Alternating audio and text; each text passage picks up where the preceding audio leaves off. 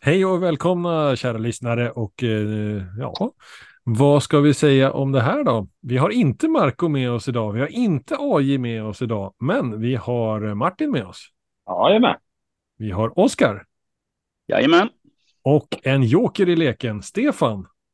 Ja, jag Hej är och också välkommen. med. Hej, tack så jättemycket för att jag fick eller får vara med ikväll. Ja, du har ju varit i hetluften i historien på olika sätt har jag förstått. Eh, inte minst i idrottsvärlden va? Ja, jag tror att du tänker på att jag har ett eh, förflutet som eh, hockeydomare. Och eh, eh, ja, där eh, var man väl i hetluften ett antal gånger. Men också så har jag ju otroligt mycket fina minnen och upplevelser. Eh, där toppen är väl, eller kronan i juvelen är väl att jag var med och dömde OS i Lillehammer för snart 30 år sedan. Herregud vad tiden går. Det minns du va Martin? Ja, ja men eh, det var som igår. Hur gammal är du idag Martin? Du får tala om för lyssnarna. Eh, 27. Ja, alla har vi inte fått äran att vara med om OS 94, det är historiska. Ehm, men den här kopplingen mellan hockey och trav, ska vi börja där? Var, var, var kommer det ifrån?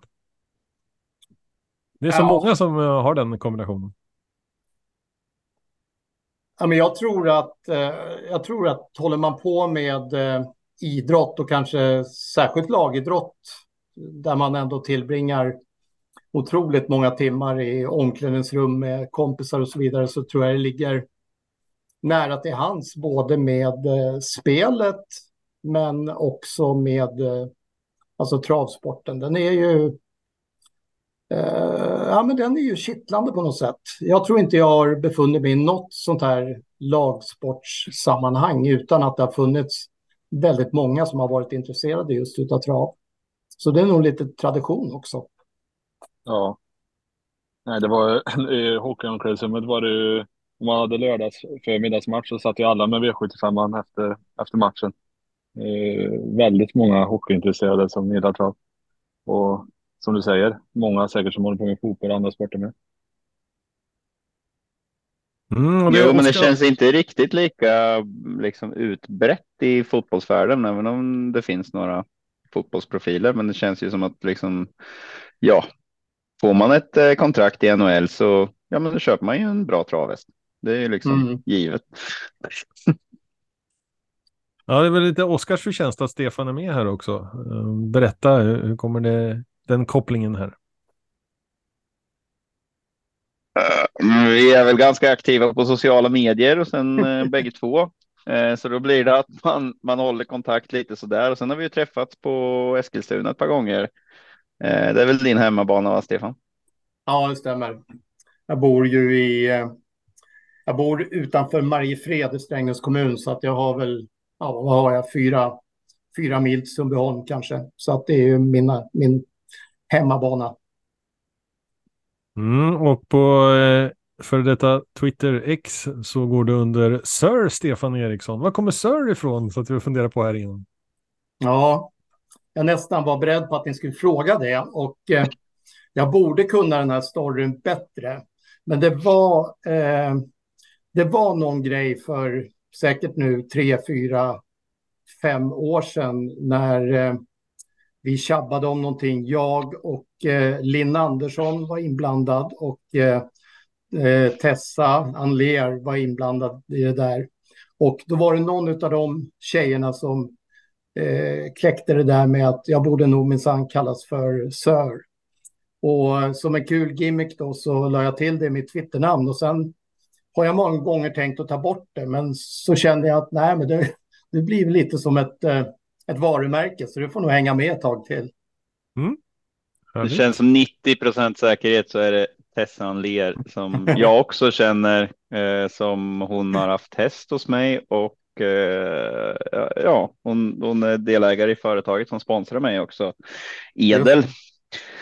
Eh, förstklassigt som har förstklassigt kraftfoder bland annat. Eh, och man kan även ge det till sina höns och ja, vi kan pladda ett bra tag till, men det gör vi inte så vi fortsätter. Det är ett jävligt bra foder kort och gott. Ja, precis. och jävligt bra att göra med också. Säg. Ja, framför allt det faktiskt. Ja. Eh, ja, Stefan, vad har du för relation till eh, Sju rätt en travpodd? Nej, men alltså jag lyssnar ju på eh, så många travpoddar som jag hinner i mitt ganska späckade liv. Och eh, det som hjälper till att hinna lyssna på många poddar det är att jag ändå eh, pendlar till mitt arbete ungefär en och en halv timme om dagen, alltså 45 minuter enkel resa.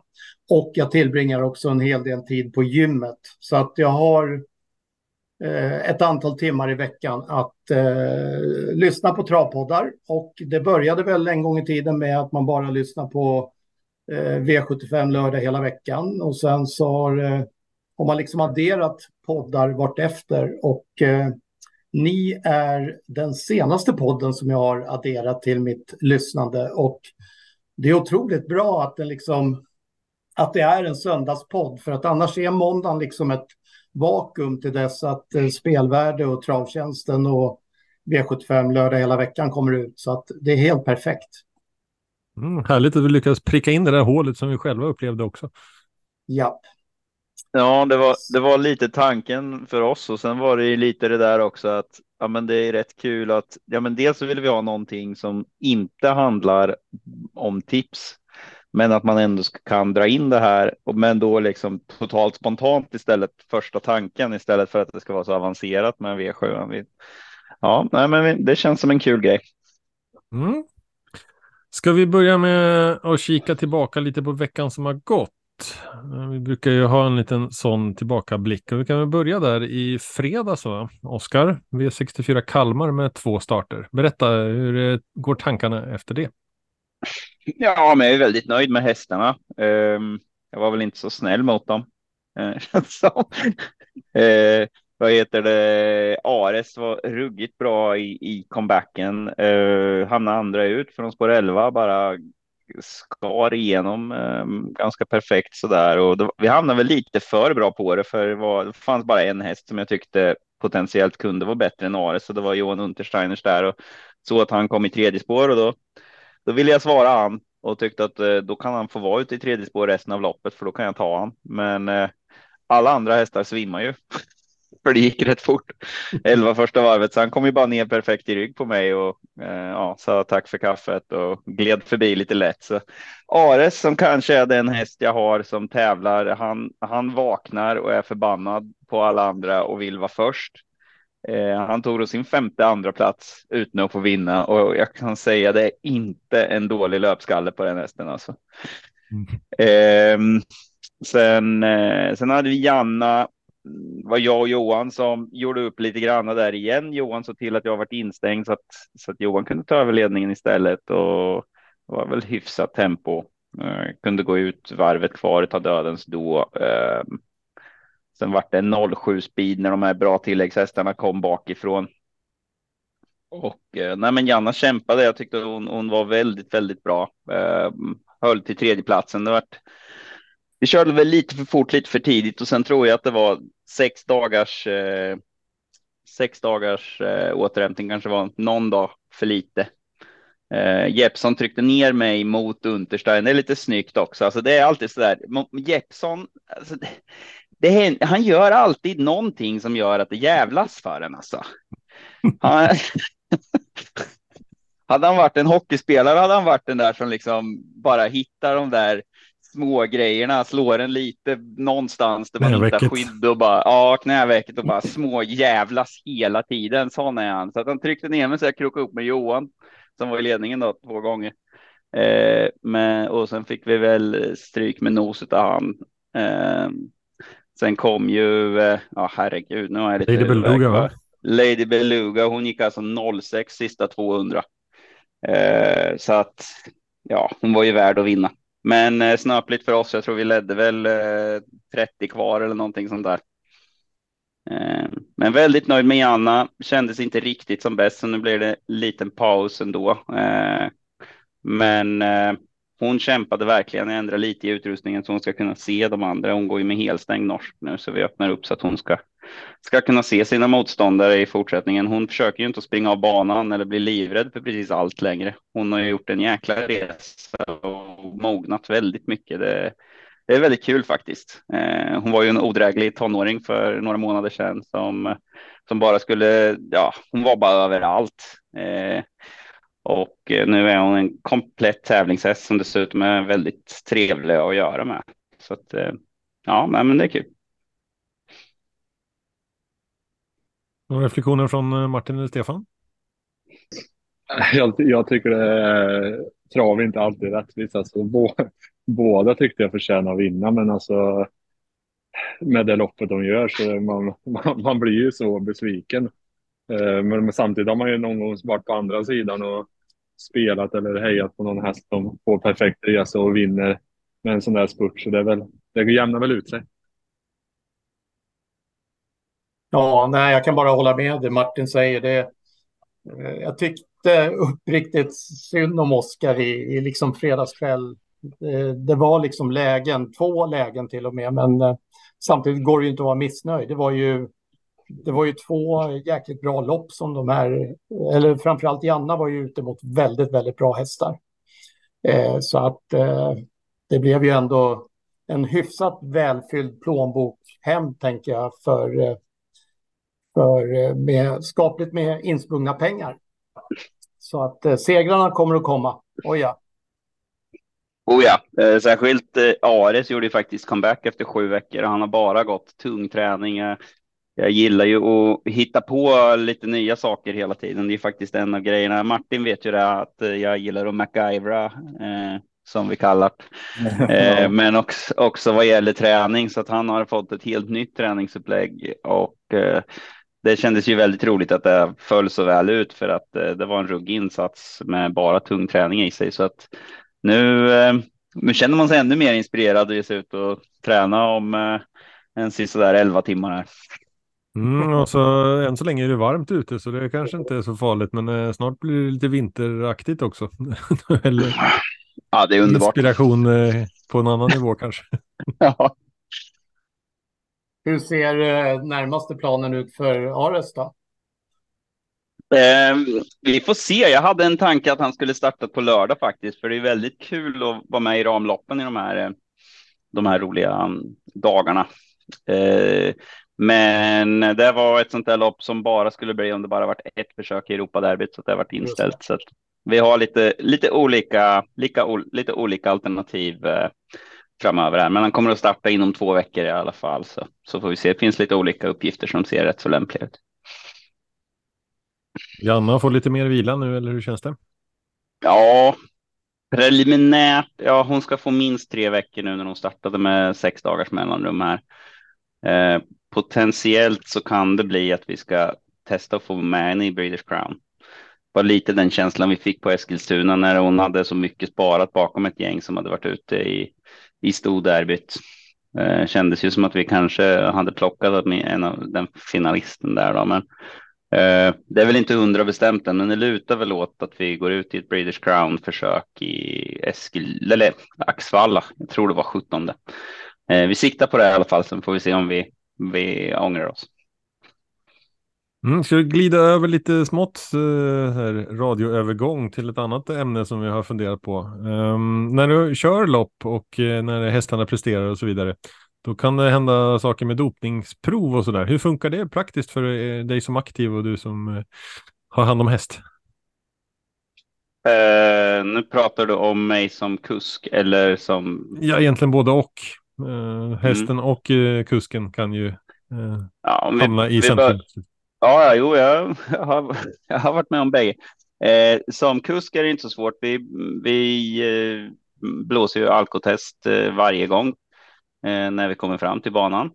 Kalmar kan jag tipsa alla andra banor om. gör det ruggigt bra. De har vakten som står vid grinden. Räcker fram alkotestet och sen har man det gjort. andra banor vet att man är på plats och är man en minut sen så får man 500 spänn i böter. Det är lite olika hur man lägger upp det där. Eh, vad heter det? Eh, vad gäller eh, dopingprov så ja, så får man en mugg och ska kissa precis. Ja, det är inga konstigheter. Eh, för en del så är det svårare än för andra, tydligen. Mm, det blev en eh, avstängning här på Mantorp-travet, ganska rejält. Ja. Lite mer.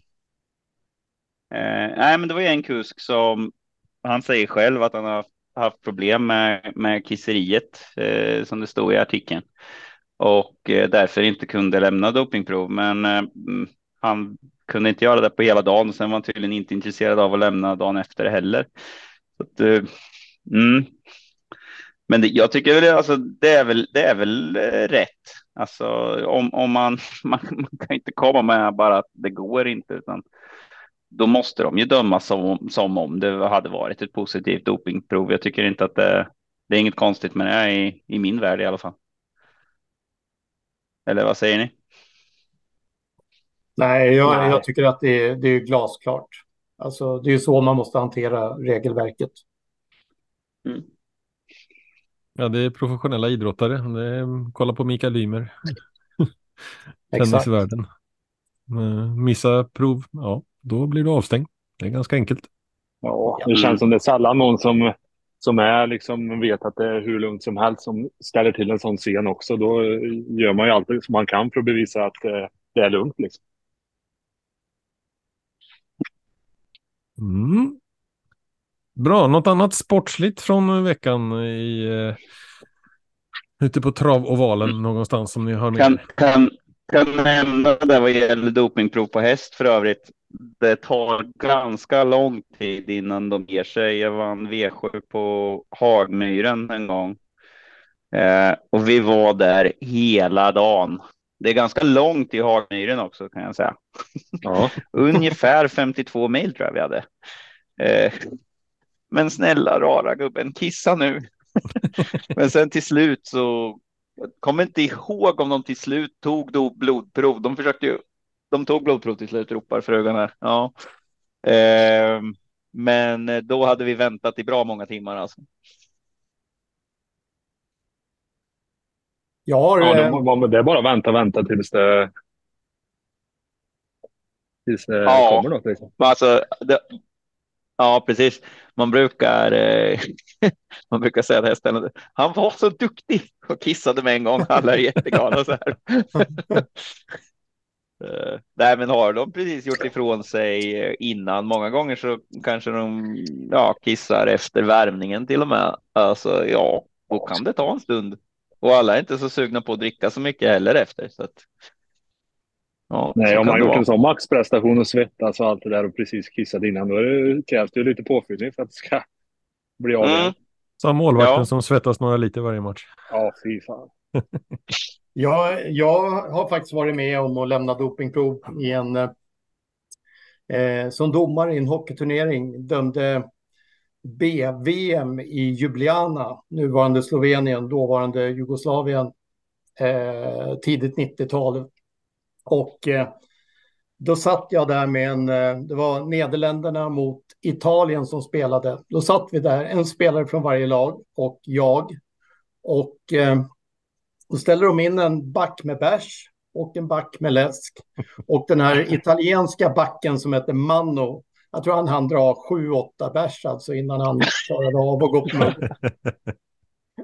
Sanslös kille och och bärs. Och han precis till matchen som började en timme senare. Nej, utan det här var ju efter matchen. Ja, det var efter matchen. Ja. Ja, precis.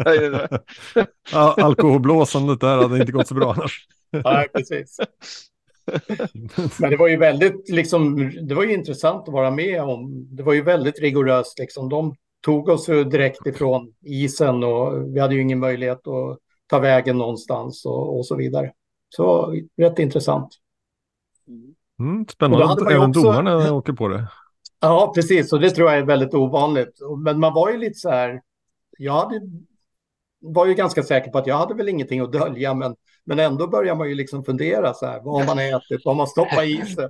Det är klart man blir nervös. Alltså det är Ja, väl ja. eh, mänskligt att man bara, tänk om jag har ätit något som inte, den här C-vitaminbrusen. Eh, Får jag ta-? Får jag döma på Ipren? Mm. Ja, Ja, precis. Ja, unika situationer. Um, ska vi kika lite på lördag och V75 då? Mm. När vi mm. spelar in det här så var det igår och då var det ju händelser på Färjestad.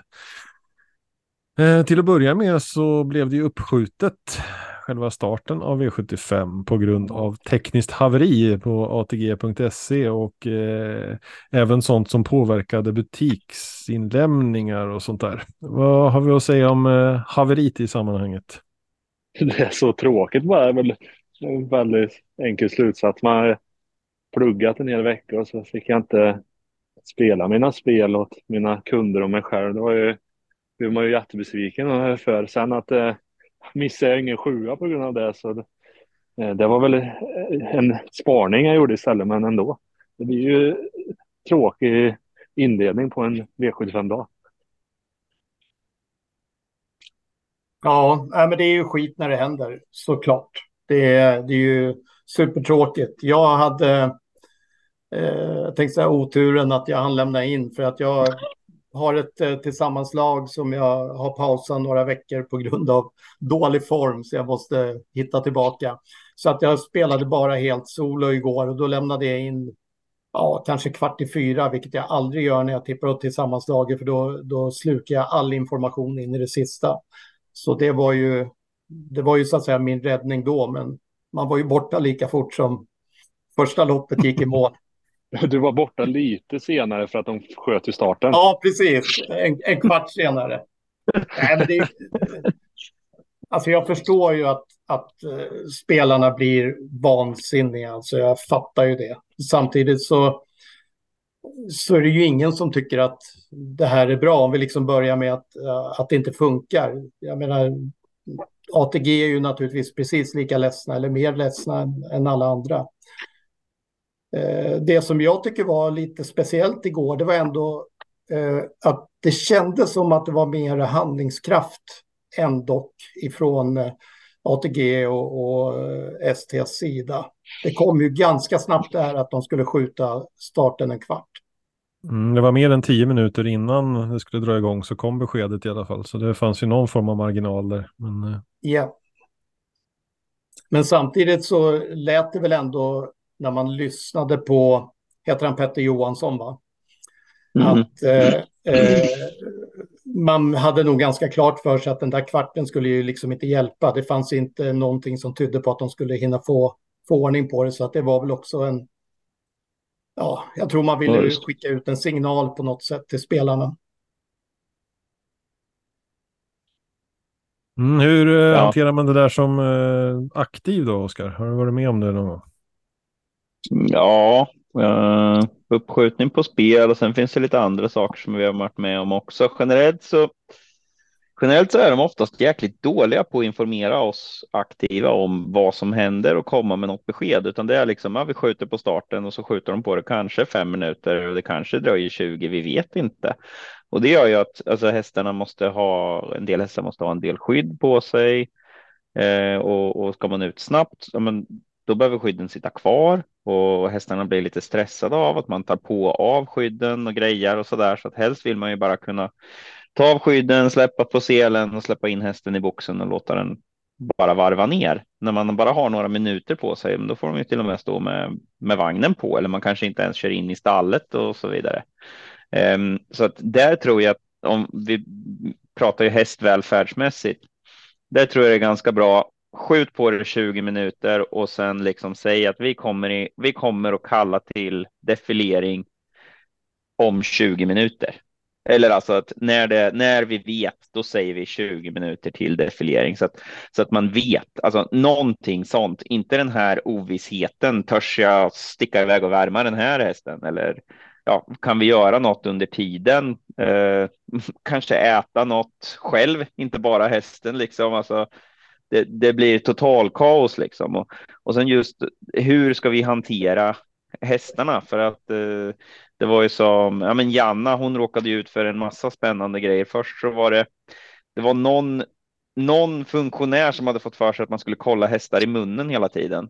Eh, så det var omstart bakom bilen och då tyckte en funktionär att veterinären var tvungen att kolla hästen i munnen som var ju på banan i en kvart efter en omstart bakom bilen.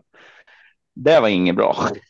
Sen startade hon veckan efter i det loppet som Björn Goop gick i backen och fick vänta i en halvtimme på att man skulle bestämma, ska vi köra om loppet? Ja, vi vet inte, vi får se. Så då stod hon med skydden på jättelänge, det vart fem omstarter. Sen startade inte hon på ett halvår. Eh, men då var det just det här att vi visste inte. Hon hade ett skydd på sig alldeles för länge och fick en tryckskada av det dessutom. Så att, eh, nej men kort sagt, ge de aktiva chansen där. Säg att eh, liksom gå ut med att ja, men vi säger till när det är 20 minuter kvar eller 15 minuter kvar, någonting så att man har någonting att förhålla sig till i alla fall. Inte bara vi skjuter på det och så ja, defilering om sju minuter. Oh shit, ja, då är det för bråttom. Mm, jag tror att de flesta aktiva vet aktiva. var pengarna kommer ifrån. V vad sa du? Det blir ju stressigt för både häst och aktiva och det smittar ju av sig på varandra. Ja, precis.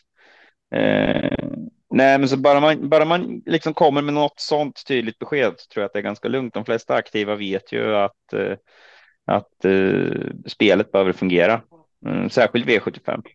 Mm. Eh, liksom när det är ja, men något vanligt lopp, det, då kanske man kan tycka att nej, men kan vi inte bara köra så att vi, vi kommer vidare. Liksom. Ja, men här, punkt 1A i krishantering, kommunikation.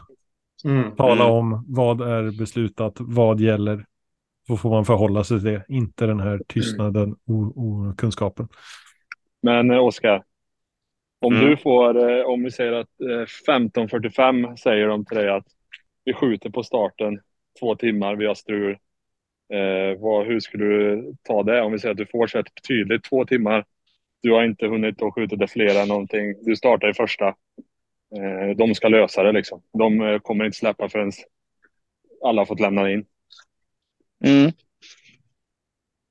Ja, då får, då, får det, då får det ju bli så. Eh, särskilt om de är ute i så god tid, tid innan. Sen kan det ju vara lite irriterande då att man har, för, att man har värmt en häst och sen får man ju klura på hur ska vi, ja, ska vi värma den en gång till om det är någon stressad individ eller vad ska vi hitta på då? Men det hittar man ju en lösning på. Men för egen del i alla fall så säger de dessutom till då en 45 minuter innan så då, då ser jag inget problem med det. Det tror jag att de flesta köper, i alla fall när det är V75. Då är det eh, Skulle man göra så när det är... Mm. Det är bättre än att de skjuter upp 30 minuter åt gången och att du hela tiden förbereder dig på nytt och så skjuter de upp det igen. Liksom. Ja, jag undrar om det inte är så för spelarna också egentligen. Ta en timme med en gång när ni redan liksom, när ni ändå håller på. När det ändå redan är fucked up så tar vi en timme ja. och löser det. Typ. Ja, alla aktiva, ta och käka någonting. Spelarna gör något annat så länge. Istället för att sitta och trycka på uppdatera och göra en överbelastning på ATG på grund av det. mm. Ska vi kika lite sportsligt då? Vi börjar V75 1. Eh, där som sagt var Stefan åkte direkt. Eh, jag hade ju lyckats helgardera första loppet i alla fall, så jag satt kvar. Eh, Erik Adielsson, formstark, rendezvous. Vad vill säga om den? Första V75-segern för tränaren Peter Johansson. Det är rätt starkt att vinna från sporthåll på Färjestad. Det, det, är inte så långt till mållinjen när man väl kommer där i kurvan. Sen, den gjorde det ju jävligt bra. Sen vart det väl eh, vart det väl liksom perfekt resa. Det var, vart ju... Konrad sätter ju upp ett ganska hårt tempo. Favoriten försökte hänga med och också blev kall, så det, det blev väl lite serverat ändå. Men det är ändå starkt att vinna eh, ett sånt lopp. Mm, det kan vi flika in en väldigt bra intervju direkt efter i tv-sändningen med just uh, Konrad Lugauer. De förklarar liksom varför blir det som det blir med en häst, det är en individ, lite för het, liksom går inte att stoppa för dagen. Liksom. Och det, det var väldigt bra gjort att fånga upp det så snabbt. Ja, verkligen. Mm. Ja, Konrad är väldigt bra på att förklara. Sen, sen tror jag inte att alla hade tolkat hästens signaler på samma sätt som han gör, men han förklarar det ju precis så som han ser det. Väldigt ärligt och bra. Och, eh, jag tyckte också att det var, det var ju helt överlägset. Eh, väldigt bra. Eh, pedagogiskt av eh, Konrad tycker jag. Och just det där med att ja, men jag förstår ju att alla blir arga, för det blir jag med när jag tittar på sport. Mm. Eh, det är viktigt att, vara, att man har den eh, mot spelarna så man inte bara sitter och fortsätter vara arg i soffan utan att man kan, ja, jag, nu förstår jag bättre och så blir det inte den här liksom bara hat. Vad fan idiot, varför gör du så? Utan förståelse med. Ja, Där tycker eller- jag... Ja, kör, Kör kör Oskar. Kör, säga, där, där tycker jag... Jag kör. Eh, där tycker jag att det har blivit ett, eh, ett lyft i... eh, Nu kollar jag i och för sig oftast på liven, men de sände ju ut den här intervjun också eh, lite med fördröjning igår som Per gjorde med Konrad. Men där tycker jag det har blivit ett lyft ändå i tv-sändningarna att Per tar hand om de här eh, direkt efter loppen-intervjuerna. För att han har ju också en, ska vi säga, en, eh, ett bättre helhetsintryck av vad som har hänt i loppet, tror jag, än intervjureportrarna som befinner sig liksom hela tiden på, på stallbacken. Eh, han har hunnit hört lite surr, han har sett alla bilder, han har hört de som räffar loppet och så vidare. Det tycker jag är en tydlig kvalitetshöjning i, i travsändningarna. Ja, Per är ju helt enkelt ruggigt bra också. Ja, Det, det, han, han är ju bra både ur eh, att han har koll på, på det som aktiv själv. Han är ju till och med, jag har sett honom köra något lopp till och med. Eh, och, och, och sen är han ju en väldigt, väldigt slipad. Det finns ju en anledning till att han varit värvad till TV4. Liksom. Så att eh, nej, absolut, det, det håller jag med om och det, det är väl det är ju rätt trevligt att de kommer ut till banorna istället för att hålla till. Jag kan fortfarande inte förstå varför de byggde en studio jättelångt från Solvalla, men det, det kan vi ta en annan gång, för det, blir så tydligt i det här fallet att eh, han, han har hållit till i en studio jättelänge och det, ja, det har varit ganska bra.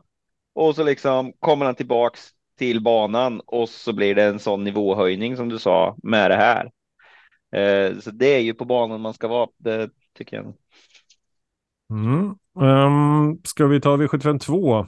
Kanske inte på banan, men på bakbenen var segraren 10 Lipton Scott innan start. Det var en rejäl stegring där, men sen var den bara bäst.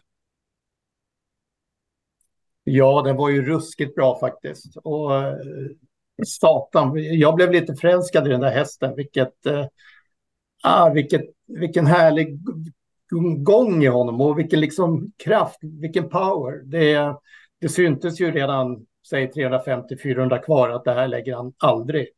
Och jag tyckte ju att det var också jäkligt roligt för att eh, Angelica Jonsson och hennes sambo, eh, Peter, de har ju va? verkligen. Ja, eller Björn kanske. Var de ett par eller? Ja, de är ett par. Mm. Han, är- han Ja, är Okej, ja, då är det.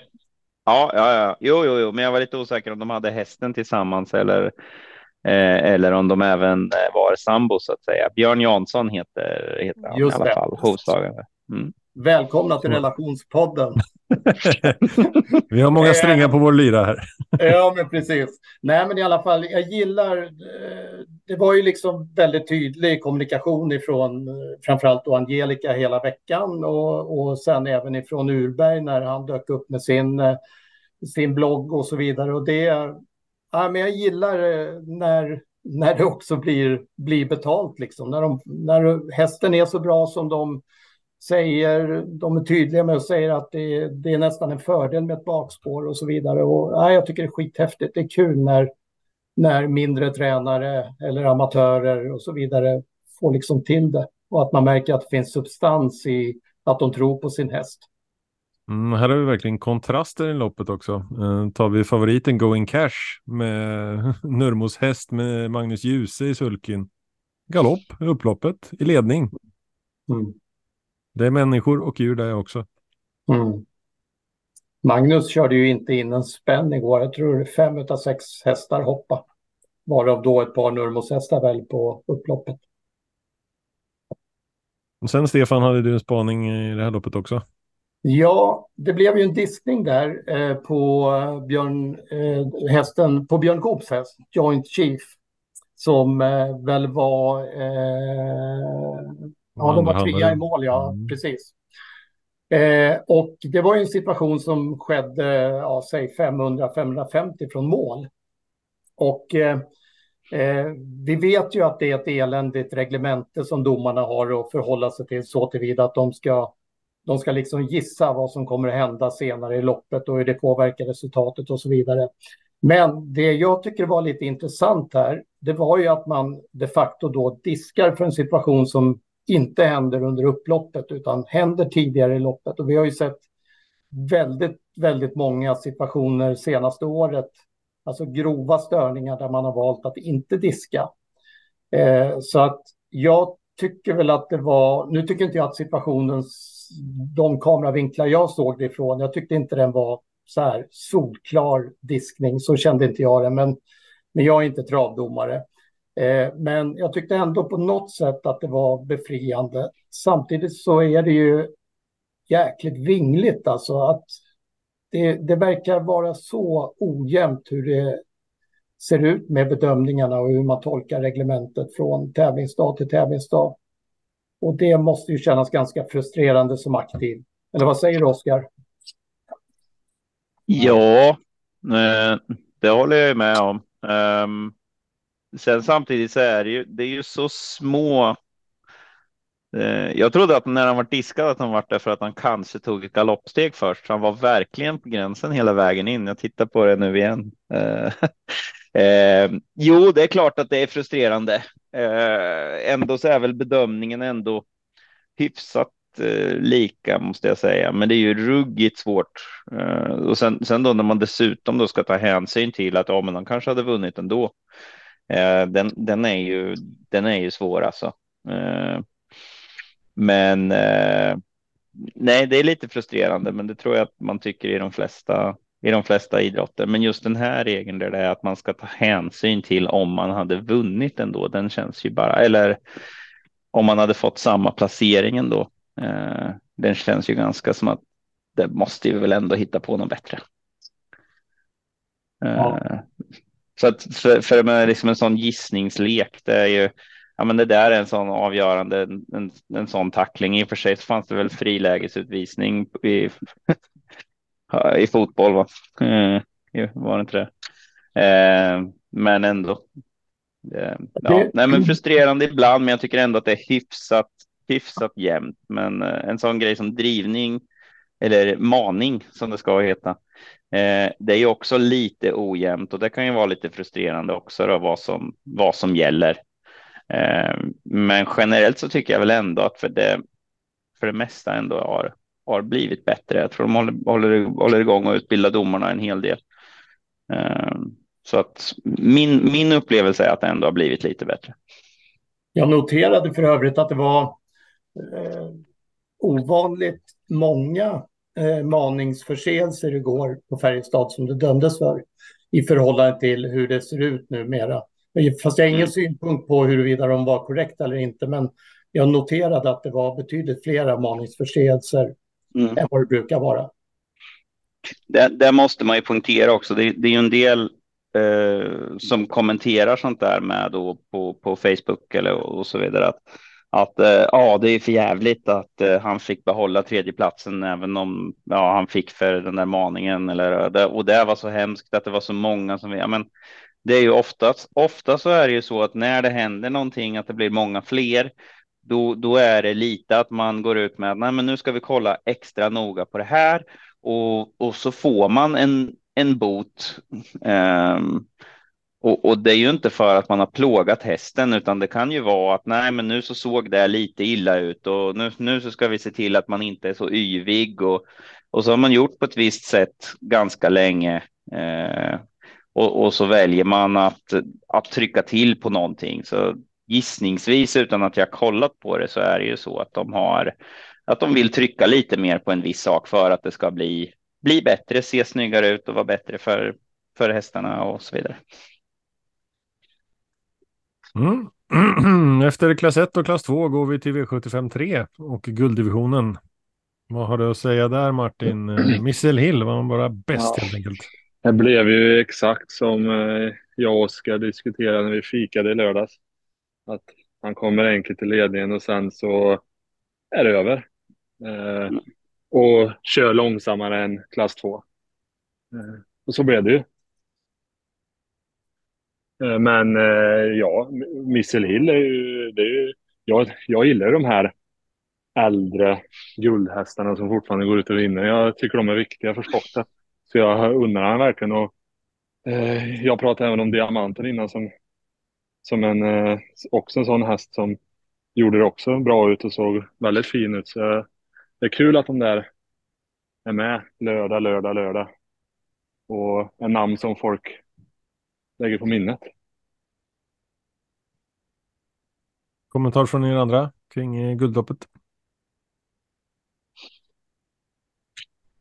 Ja, det jag kan väl bara hålla med, även om jag själv hoppades på, på Melby Jink så var väldigt eh, inne på det och sen eh, Martin var faktiskt eh, ute och körde ett par hästar här i igår och vi satt och, och fikade och sen när vi drog det analysen då så kom vi väl fram till att nej men det här loppet som jag hade sett fram emot, det kommer ju bara bli skittråkigt. Örjan blir släppt till ledningen och sen är det ingen som gör någonting och sen rinner han undan som vanligt och ja. Ja, jag sa ju att Diamanten skulle vinna från ryggledaren, men han kom ju aldrig ut. Han hade vunnit aslätt om man bara hade kommit loss. Det är väl det. Det är väl det här som är problemet lite med. Jag tycker också att det är helt rätt att. Eh, alltså, jag tycker det ska mycket till för att man inte ska ha guld med på kupongen. Där pratade ju du och jag om förra helgen också i Eskilstuna, Oskar. Ja, vi eh, tittade ju på guldloppet där då tillsammans. Ja, där. precis, ja. exakt. Men, men eh, rent så att säga spelmässigt så, så blir det ju ofta så här för att det, det, det är en otrolig fördel att gå i spets för att det är alltså de flesta hästarna som startar de här ordinära guldloppen, de, eh, alltså, de klarar inte av att göra det från utvändigt längre. Liksom så är det och då, då får ledaren ligga still. Mm. Så att eh, spetsanalysen om man ska tänka som spelare, den är ju extremt eh, viktig. Och, och, det var ju så tydligt igår också att Örjan hade ju bara, han hade ju bara koll på var Erik fanns någonstans. Han, eh, han körde ju aldrig för ledningen själv. Han, eh, diamanten släppte han ju liksom iväg, sen var han ju bara fokad på att vara den som är först fram och få överta. Han är listig, den gode Örjan. Mm. Det kan man ju lugnt säga. Uh, nej, men det är, väl, det är väl den spaningen man kan lägga med det. Det är ju att ja, tusen meters banor räcker inte längre. Hästarna, hästarna är för bra. Det är för svårt att göra någonting. Eh, lite tråkigt att vi skrinlade de planerna på en 1200 meters bana eh, i Mantorp. Tror de är permanent nedlagda faktiskt, för nu pratar de om att och, och göra ett nytt gäststall eh, där sista sväng skulle vara. Eh, det är ju lite tragiskt. Eh, för det, det, vi behöver lite fler sådana lopp. Men, eh, eller sådana banor, lite större banor helt enkelt. Men, ja, men eh, det hade ju varit så, så kul om det var mycket mer variation på, på banorna så man behövde lägga mer krut på bara okej, okay, idag ja, det är 1400 meter bana idag och sen nästa så är det 1200 banvarv och, och sen mm. är det 800 mm. någonstans. Och, ja, än att det bara, ja det är tusen, upploppet är tio meter kortare än förra lördagen. Mm. Det var inte så mycket mer att diskutera. Mm.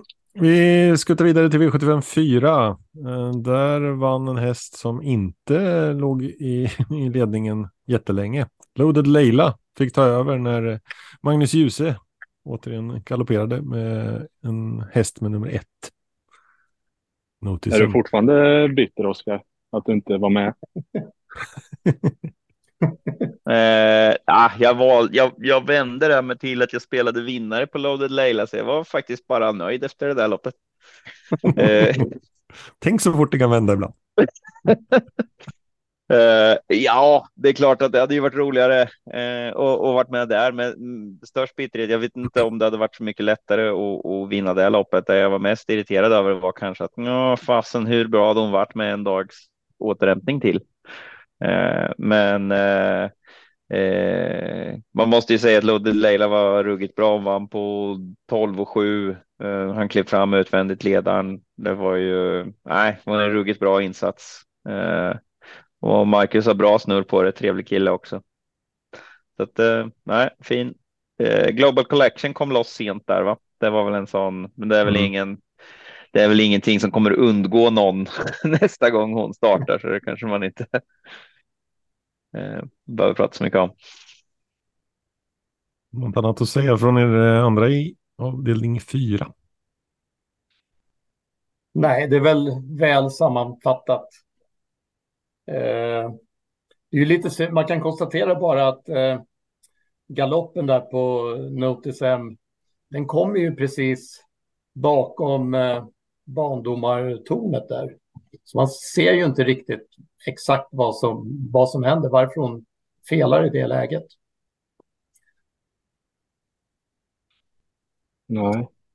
För den, det kändes ju i alla fall som den kom lite oannonserad.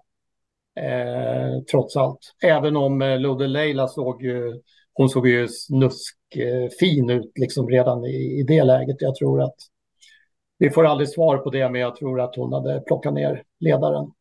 Det finns väl någon annan kamera som kan fånga upp det där som hon hade kunnat visa ju. Ja, det kan man ju tycka. Någon liksom sån här domarkamera eller någonting. Ja, det kan ju alltid vara kul att få se vad hände. Mm. Men, eh, nej, men hon. Nej, vad fan, jag kollar på reprisen här nu. Hon är Eller på väg att ihop fela med vid. någon annan galopp.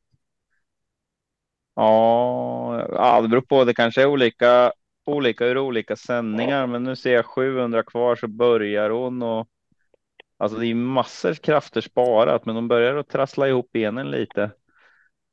Nästan så att hon är liksom överförfriskad. Ja, den var, det var en väldigt märklig galopp. Uh,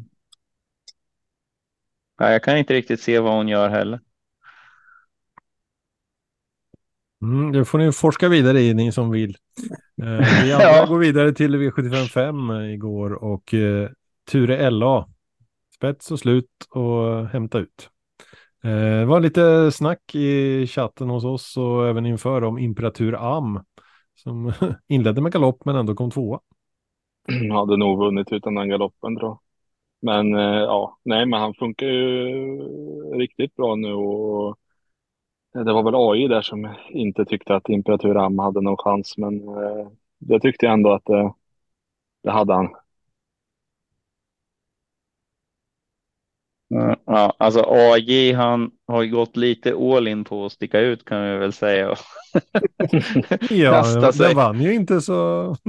Nej, precis.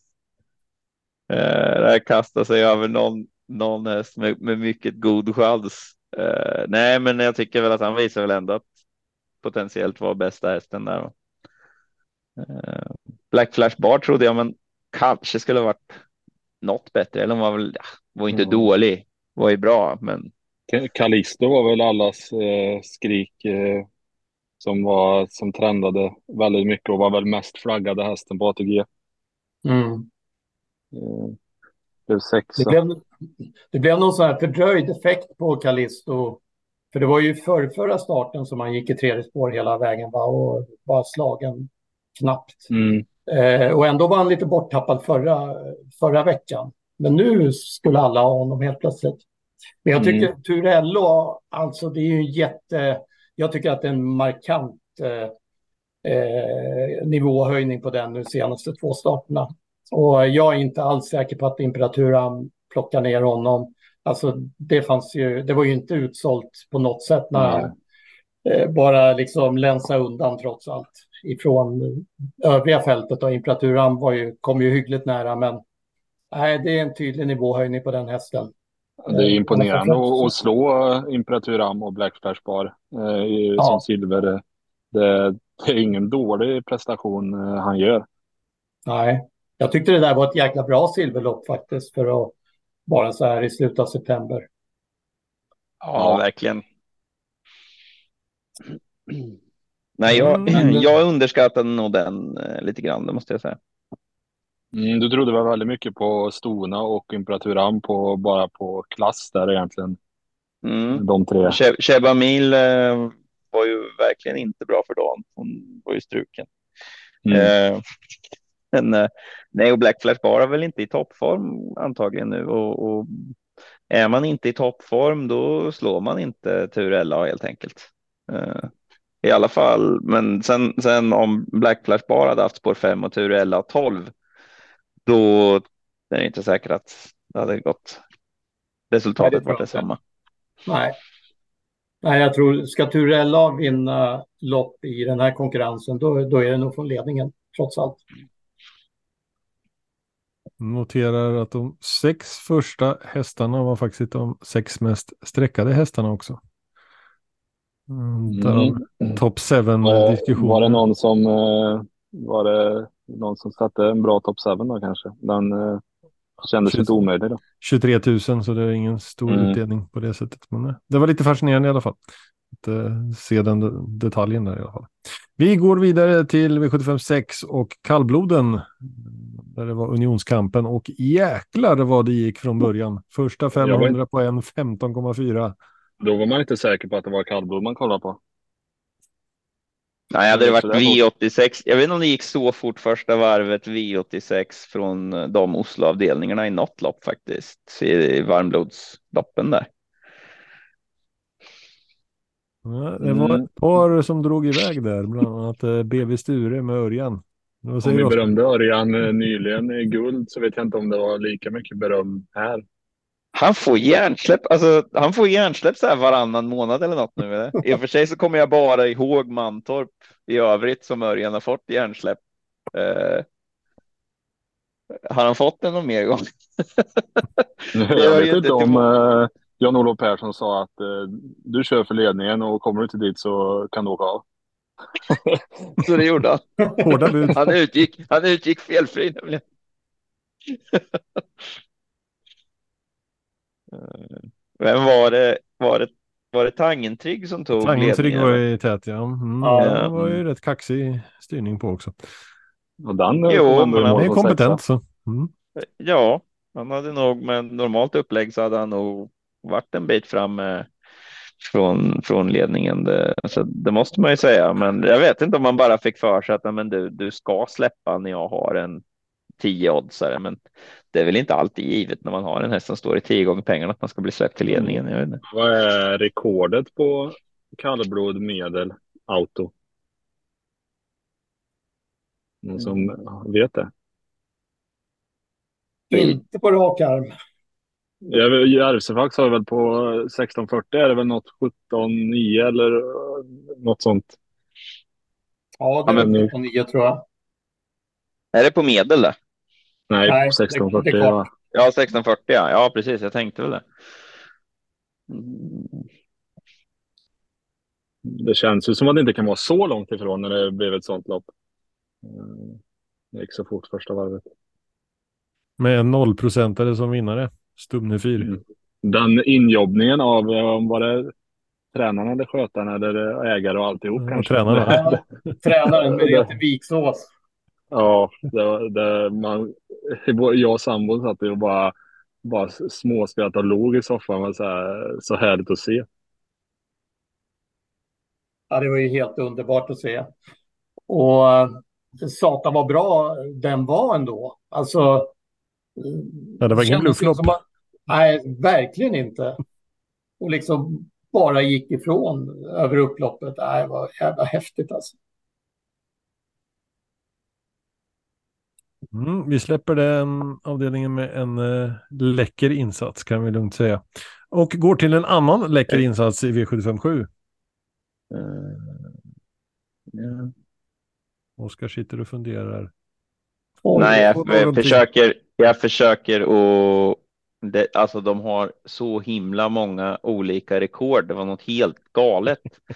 eh, jag hittade en lista med, med rekorden. De var särskilda för femåriga utländska hingstar och vallacker. Eh, där är för femåringar är det 22 en i alla fall för de utländska sexåriga och äldre.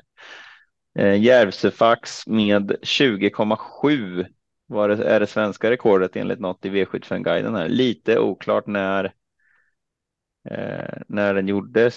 Sexåriga äldre utländska hingstar och vallackar var 22,6.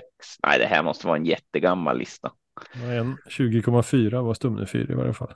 Så, Ja, ja, ja, nej, de här rekorden är så gamla allihop så jag vet inte. Det, jag hamnar någonstans på V75 guiden så skit i det. Marco, om du hör det här, klipp, klipp bort det här. Det händer aldrig. Vi går Ja. till eh, en 11,5 istället på 2140 Auto. Luzano di Quattro. Återigen snabbare än guldloppet för övrigt. Det var han förra gången när han vann eh, via tredje spår runt om också. Är stumma av häpnad. Ah, jag fastnade också i det här och tittade på någon världsrekord på kallblod. Jag tror att... Är det inte Järvsefax har ju 2100 på Biri. 21 Ja, på Biri, fast det är 40 exakt. kortare. Ja, men det tror jag räknas ändå i samma liksom, kategori Mm. trots allt. Jag tror att det är där vi har det. Månprinsen har 29 på 40 tillägg. Ja, precis. Men Det är ju rätt så. Hyfsat. Det är ju rätt så rejält. Mm. Ja, Ja, nej, men då blev vi stumma utav Luzano di Quattro. Wow! Herregud, vilken häst.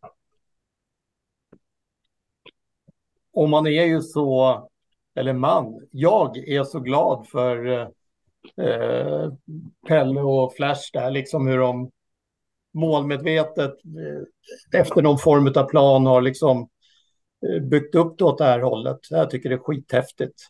För det är ju, alltså jag minns ju i början av året hur utskälld Flash var på alla sociala medier och så vidare för att det blev några styrningar där det var lite väl försiktigt upplägg och, och hästen var mycket spelad och så vidare. Men ah, wow, vilken häst!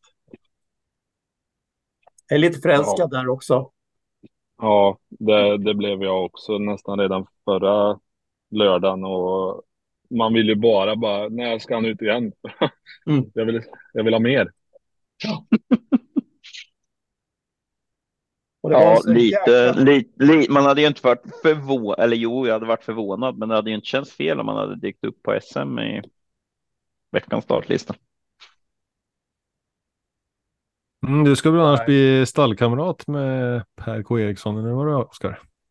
Ja, jag är redan där och det var, det Mm. var lite det jag tänkte på att alltså det är ju helt sinnessjukt. Vi, vi, vi, vi delar redan fikarum, men han tyckte att han skulle plocka ner sina tavlor. Jag tyckte han kunde vänta lite med det och så kunde vi, för han tyckte det var lite för mycket bara om han där. Men eh, alltså bara man är inne i fikarummet. Alltså vilka hästar han har haft. Det är helt sinnessjukt. eh, så att eh, nej, en otroligt eh, duktig tränare, även om det, det har inte gått lika bra i Sverige som man trodde när han kom ifrån USA, för han är, han är alltså i Hall of Fame i USA. Så att eh, otroligt duktig kille. Eh, eh, ja, och de är fantastiskt trevliga, både han och hans fru Tina där. Som eh, jag tror de frågade vem hon var, som bara att hon var Pelles fru.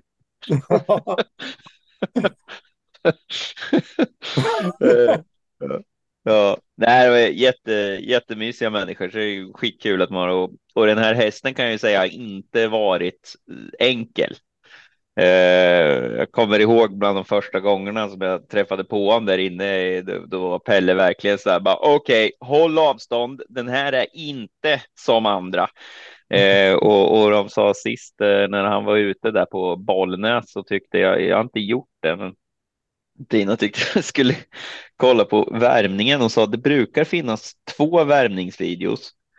Hon sa det finns alltså, jag tror hon sa att det fanns sex värmningsvideos på han för att han var överallt. Han var på inneplan, han var nere i något dik, alltså. han- Så han är inte lätt hästen. Så att det här med målmedvetet, liksom bara låta honom komma in i det, inte frivra sig utan okej, det här loppet vart skit. Fine, vi, vi släpper det den här gången och, och liksom låta honom utvecklas i sin takt gör ju att han är så bra som han är nu tror jag.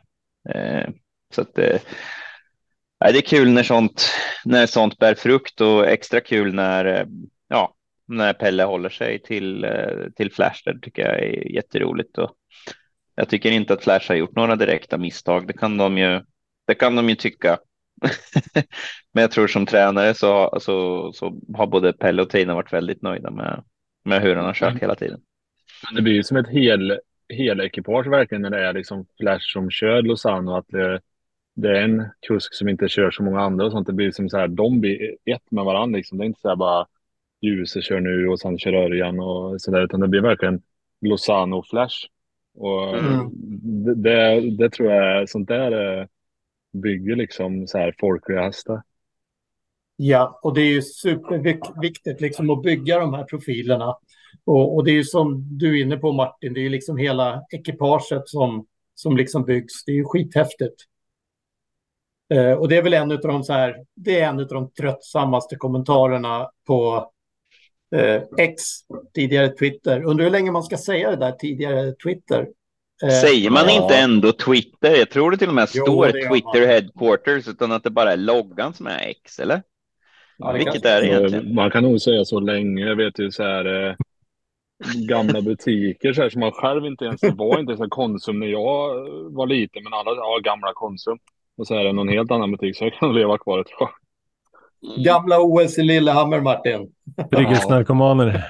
Ja, nej, men en, en av de tröttsammaste kommentarer i alla fall som jag... Det är när, när eh, det kommer just sådana här grejer att ja, sätt upp en riktig kusk på den där eller sätt upp eh, Magnus eller sätt upp Örjan. Alltså, nej, jag blir trött på den typen av kommentarer för jag tycker det är så viktigt att det fortfarande ändå finns en, ett litet fragment av mångfald även på kusksidan. Eh, faktiskt. Jag tycker det skulle bli oerhört slätstruket om eh, liksom catchdriver-eliten skulle köra alla 15 hästar i varje lopp. Det var Verkligen. typ 20 kuskar på en omgång typ. Ja, Det har ju redan blivit så lite att det är så tråkigt för att det är catchdrivers som kör i princip i alla lopp och det är väldigt förutsägbart. Men det, jag tycker det är lite kul att de som gnäller om det där alltid då när det är någon, någon mindre stor kusk så att säga. Det är samma som, som gnäller om att det är så jäkla tråkigt och det tävlas inget i Ja. loppen och det är bara Nej. samma kuskar hela tiden. Fast samtidigt så vill de att om inte Magnus Djuse kan så kunde han väl åtminstone ha sökt upp, ja, jag vet inte, Erik eller Mats eller någon. ja. Tänk så mycket roligare det hade varit. ja eller hur? Eh, Eller en Oskar. Svanberg kanske. Ja, ja precis. Eh, nej, men det, där är en, en sån där spaning som jag har haft. Att, alltså det är ändå många då, mina kunder vill oftast att jag kör. Jag har ju ändå helt fritt för kunden att, att välja. Eh, men jag undrar, alltså jag tror att en del har nog kommit fram till att i längden så tror jag som Pelle är, nu, han, han har hållit sig till Flash Mm. och, och i längden så har han nytta av det. För att de har en diskussion, det här är en ganska komplicerad häst också. Det är väldigt mycket värt att man kan ha en liten diskussion med kusken. Det hinner du inte med Örjan, han ska köra varenda lopp. Mm. Eh, de åker antagligen ihop till och med. Alltså, man kan prata lite, lägga upp lite upplägg. Vad ska vi göra för att utveckla den här? Eller ja, men och så vidare. Eh, men sen och sen så tror jag de gläds ju mycket mer när med Flash också. Och så tror jag det är lite med mina kunder att dels så kan man prata om loppet. Vad, vad tyckte du precis där? Och att det blir en roligare upplevelse. Eh, att, att det är faktiskt en upplevelseindustri det här. Att, att det är väldigt mycket. Det, jag tycker det är lite intressant. Vi pratade om den här vad var, vad var det Björn hade sagt i Björnkollen? Att det var pastamannen och skulle inte köra den här gången. Spagettimannen. Utan att det var Jeppson istället och den har ju fått oerhört mycket kritik den, den kusken. Samtidigt så är det ju så att ja, men ägaren tycker väl att det är roligare. Han kan prata med den killen och, och vill att han ska köra. Eh, så jag vet inte, man behöver kanske inte bry sig så mycket om det, här, men jag tror att det är fler som kanske skulle testa att ha mindre kuskar för att man kanske skulle få ut mer av det än att man som mindre tränare ska stå med mössan i handen och, och, och, och vänta på, på en viss kusk. Så stor skillnad är det faktiskt inte på, på dem. Du får ju väldigt mycket bättre helupplevelse om du sätter upp Flash då. Och han åker med och de kan snacka i bilen och han har en uppgift den dagen och han går och laddar för den. Än att eh, kommer någon och bara tar tömmarna och så sen inte ens eh, knappt eh, hinner köra av hästen av banan ens.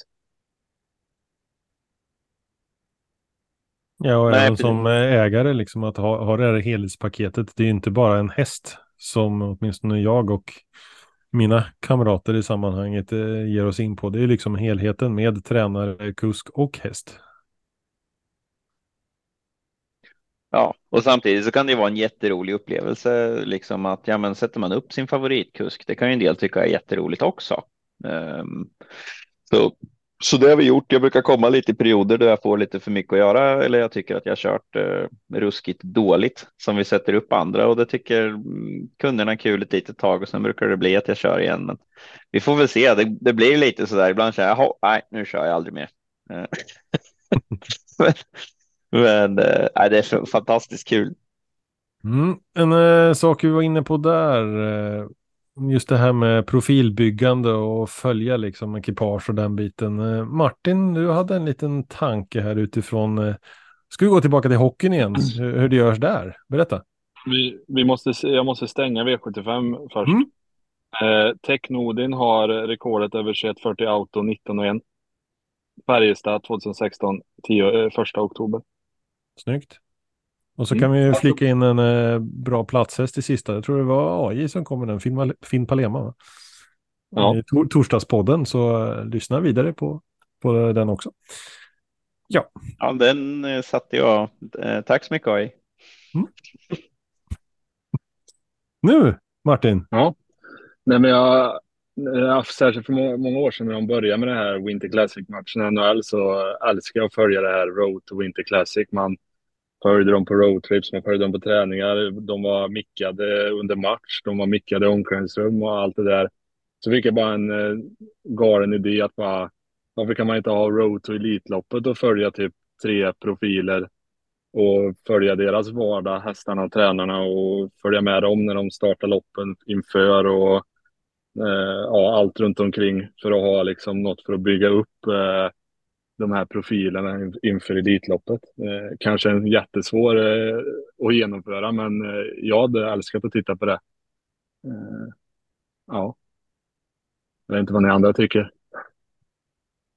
Ja, men det är ju en, eh, det är en briljant idé. Det har ju, det har ju gjorts lite grann den typen av dokumentärer, men som har så att säga visats efteråt.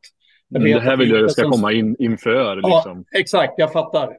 För det är ju det som är skillnaden i så fall. För jag, jag minns bland annat så gjordes det ju en om Sanity, där man fick se egentligen hela den här resan, fast först efteråt. Och det görs väl även någon form av dokumentär just nu om eh, San Motör också, tror jag.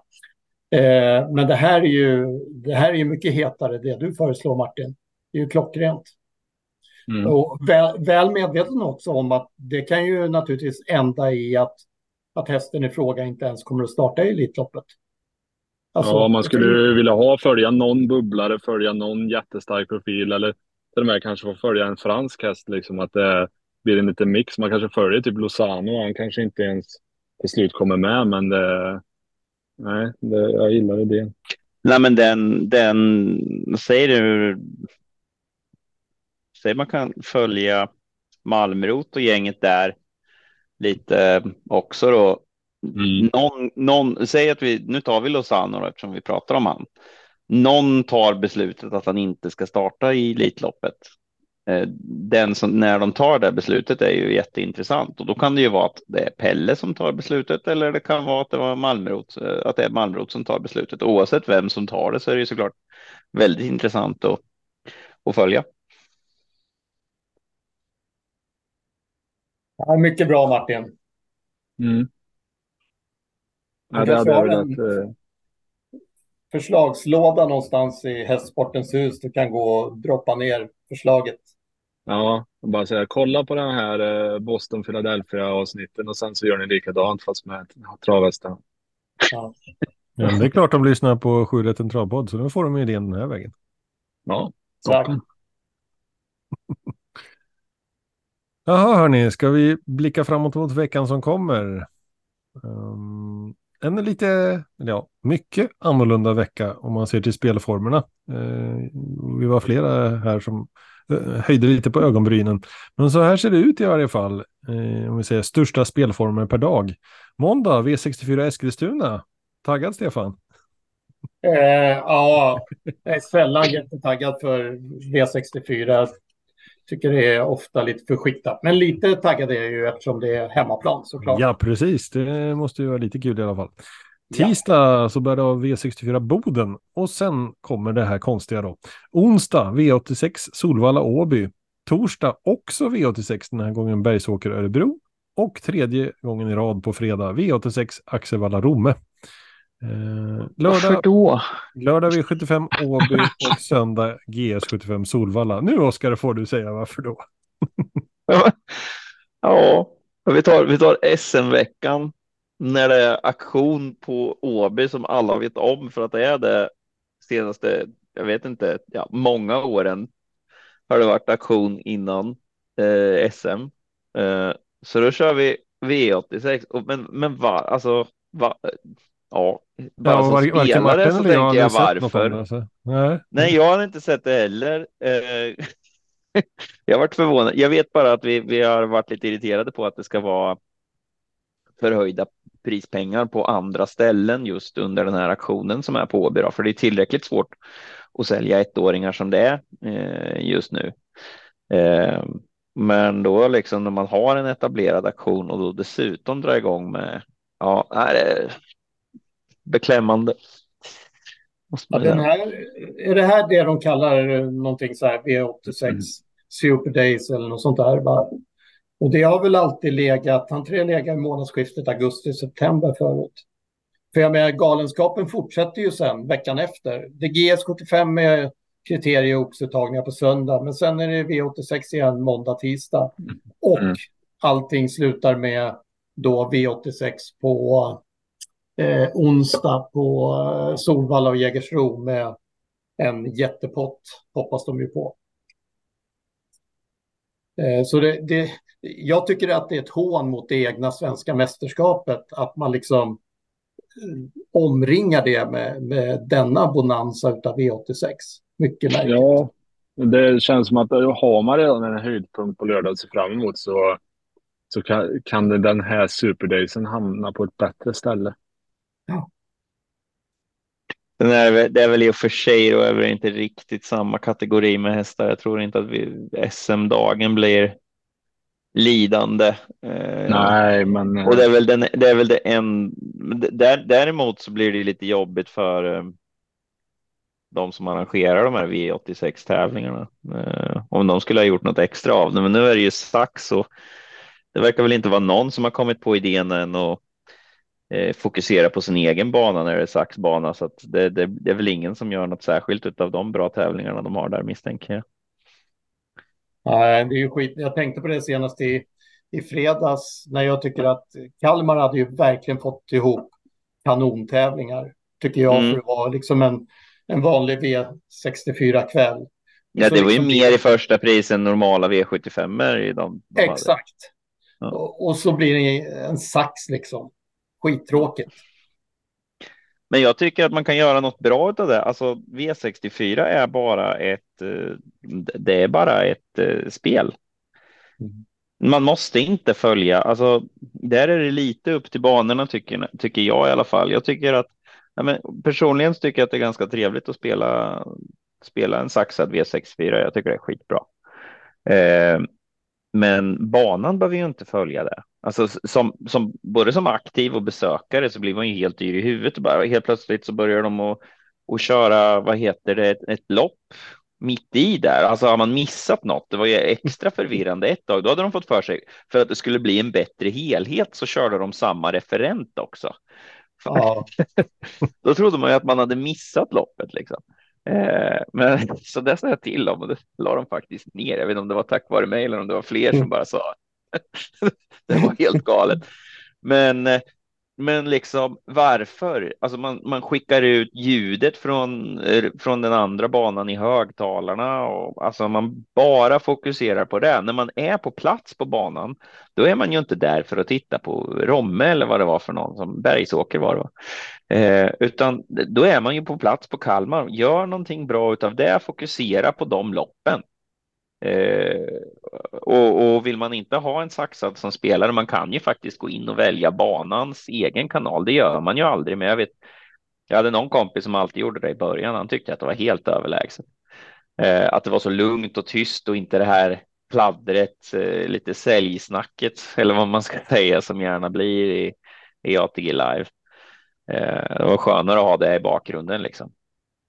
Men, eh, men jag tycker att det är nog ett problem som, som banorna har satt på sig själva lite grann. Eh, släpp saxen. Sen tror jag att om man gjort, gör det saxad V4 och allt möjligt också, det tycker jag det får väl ändå ATG bara släppa så att man åtminstone kan ge banorna chansen att göra något vettigt. Men jag menar mm. liksom ge banorna en egen V4, en egen V5 och så vidare och låt dem försöka göra någonting kul av det här istället. Tycker jag. Mm. Men fråga Martin, du som är mest eh, spelfokuserad av oss, är det något du eh, siktar på i veckan förutom V75 Åby på lördag? Mm, nej, det kommer lite som en chock för mig att uh, nu blir det massa V86-plugg för uh, det är ju en kul spelform. Uh, får vi hoppas att det blir inte blir det söndertjatat att folk vill spela V86 varje dag eller om det blir låg omsättning och favoritparader för att spela ihop en stor pott i sista omgången. Eh, men eh, nej, det blir ju V86 för jag den här veckan. Eh, helt klart. Det är lite för många lopp. Ja, det, man, det krävs ju eh, rätt mycket tid för att plugga ihop den här åtta loppen och hitta oftast kanske tre spikar för att kunna gardera upp det. och Sånt. Det, det är inte alltså ett lopp extra gör det betydligt svårare. Eh, om man jämför med V75. Tycker jag. Om man, eh, om man tar spelperspektivet också, det här V86 Super Days, så tycker jag att det är, för jag tänker så här, det måste ändå finnas inbyggt i det hela att man, man tänker att det ska kunna bli en jättepott och det kanske i alla fall från ATGs sida, att man önskar att det också är någon som vinner jäkligt mycket då när, den här, när det ska spelas ut. Mm. Och då lägger man då den dagen saxar Solvalla med Jägersro. Och vi vet ju hur Jägers har svårt att fylla sina lopp. Och det lär ju inte vara lättare nästa onsdag när Halmstad har tävlat på, på måndagen. Åby har tävlat i och för sig mestadels med SM-lopp, men ändå på lördagen. Åby tävlar den här veckan också. Eh, så det finns ju risk liksom att det är en tunn anrättning på Jägers den onsdagen. Och det är ju inte spelstimulerande i sig. Ja, det är alltid lite haft... risky. Risk, det är väl alltid lite risky att ta Jägers och eh, Bjerke känner jag lite om man ja. vill ha hög utdelning. Jag tror man skulle eh. skicka upp det här till Bergsåker, saxat med Bergsåker. Ja. Det tror jag hade varit smartare. Verkligen. Vil vilken dag var det som var sista? Den fjärde onsdagen. Fjärde, just det, just det. Ja, de har, de har final i Breeders Course för tvååringar. Den känns ju som att där kan det nog skrälla. Eh, 700 000 i första pris där och sen har de Breeders Course bonuslopp för treåringar med 125 i det också treåringar. De brukar kunna bli lite skiktade. Ja. Ja, nej, vi får se. Men det är beklämmande tycker jag att de, de tjatar lite om Jägers. De tränarna tjatar lite om att det är eh, att det, är för, att det är hemskt att det är så mycket trav på landsbygden och så där att det borde vara mer på Jägersro. Men alltså loppen är inte fulla. Det, alltså Jägersro ligger ju jättelångt ifrån allting. Det är ju bara nära till Halmstad eh, och Köpenhamn och ja, Holland. Malmö kanske. Ja, Malmö. Ja. Nej, men det är ju liksom, det är ju inga andra. Det är ju inga andra som har nära dit. Sen är det ju fint på, jag menar, alltså det är bra att tävla där på vintern. Det är alltid oftast bra bana i alla fall, men. Eh, det, ligger lite offside. Jag tycker att det är lite. Jag tycker nog lite tvärtom att det är för många som har för långt dit. Eh, och därför blir det lite ihåliga lopp också. Sen är det ju ruggigt bra tränare nu. Förut så kändes det väl lite mer motiverat att åka dit för att det var kanske lite just med, med att det var ihåliga lopp. Men nu är det oftast ihåliga lopp, men eh, det är väldigt bra hästar med ändå. Tyvärr. Så att det är liksom, ja, köra 40 mil för att komma dit, eh, ja, det är inte riktigt värt. det är lätt att komma med, men det är inte så lätt att vinna ändå kanske. Och på temat eh, väldigt bra hästar, ska vi gå över till eh, V75 Åby på lördag? Eller har ni något annat innan dess? Nej. Nej, men då kör vi. För då är Så nu det SM-tävlingar som sagt var. Ja, vi kan prata lite om konceptet först tänkte Ja. jag. Eh, Just det här med att ha svenskt mästerskap och, och den biten. Ehm, blir det SM på riktigt eller blir det konstlat? Ni som är eh, mer insatta i det sportsliga än vad jag är. Det, Det men, det menar de här konstlat. kör sig. Stefan fick ordet här. Ja, men visst, eh, visst är det väl naturligtvis lite konstlat.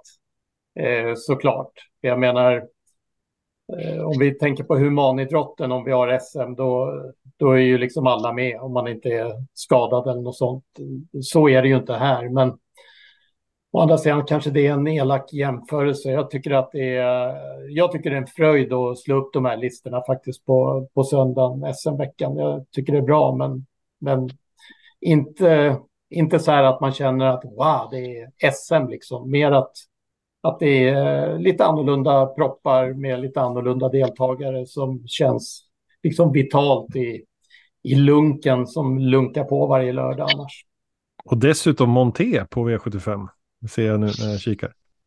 Japp, Det som brukar vara så här. under SM-dagen, ja precis. Eh, och jag blev faktiskt uppmärksammad här eh, på, på Twitter utav ehm, för jag kommenterade det idag, inte, jag la egentligen ingen värdering, men jag har inget emot att Montea ligger på V75-kupongen en gång om året. Men eh, eh, jag konstaterar att det inte var någon häst i år som aldrig har startat i Montea. Eh, Men då gjorde den här personen mig uppmärksam också på att det står nu i propositionen att de åtminstone måste ha gått ett kvallopp eller ha startat minst en gång. Så där har man ändå skruvat ett litet snäpp i proppen. Mm.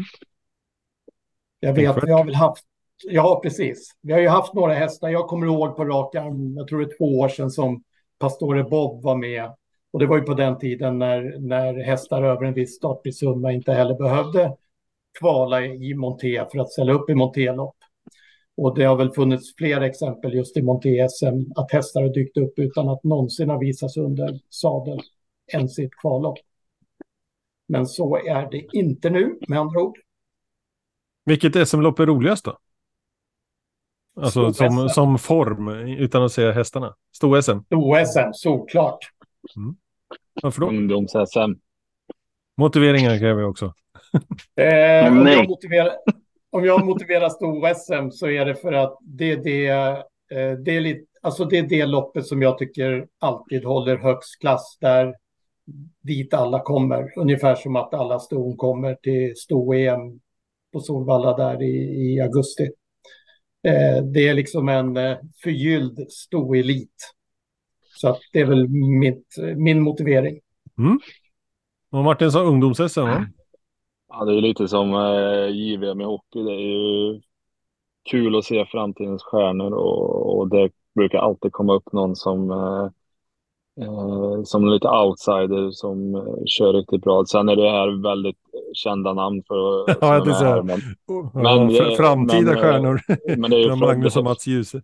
Ja, de är ju inte framtida stjärnor, men det är många andra här som har tagit för sig under året som eh, jag tycker det är kul. De här, eh, om man ser så här, det brukar väldigt ofta bli bra racing i eh, de här ungdomsloppen. Om vi jämför med hur guld såg ut i lördags till exempel. Mm. Eh, Jag Ja. gillar när man eh, när det blir fart och fläkt. Oskar då, har du någon favorit? Ja, det är väl stor-SM eller vanliga SM. Det beror på lite vilka hästar som är med, för jag gillar SM i och med att det är eh, ett av de större loppen över lång distans. Eh, tycker att 2,6 eh, blir riktigt roliga lopp. Ehm, sen är väl som vanligt så måste man göra loppet för ston kortare, va? Ja, jag förstår inte det. Vad fasen kan man inte ha lika många storlopp över 2,6 för? Storchampionatet är 2,6. Det är så roligt det här tycker jag alltid. Det är, det för att vara bäst. Bästa treåringen ska gå över 2,6 och bästa fyraåringen ska också över 2,6 i derbyt och största loppet för ston det, det är också det är 2,6. Sen så sen så nej, sen skiter vi i långdistans. Konsekvent agerande här. ja. Vad säger du Martin? Ska vi öppna listorna på allvar? Ja. Härligt. Då gör vi så. Går in då den 30 september, snart in i oktober. Men vi tar sista september först, lördag på Åby. och vi inleder 16.20, hoppas vi åtminstone. Eh, om det inte blir några debacle igen. Och vi inleder med uttagningslopp till UET Grand Prix, Europaderbyt.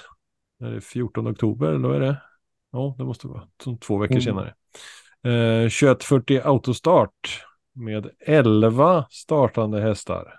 Fast det står 12 startande i propositionen. Så är det. Det är för att det var 22 anmälda och de har delat det. Mm. Vi har 11 hästar i den här och då har vi följande deltagare.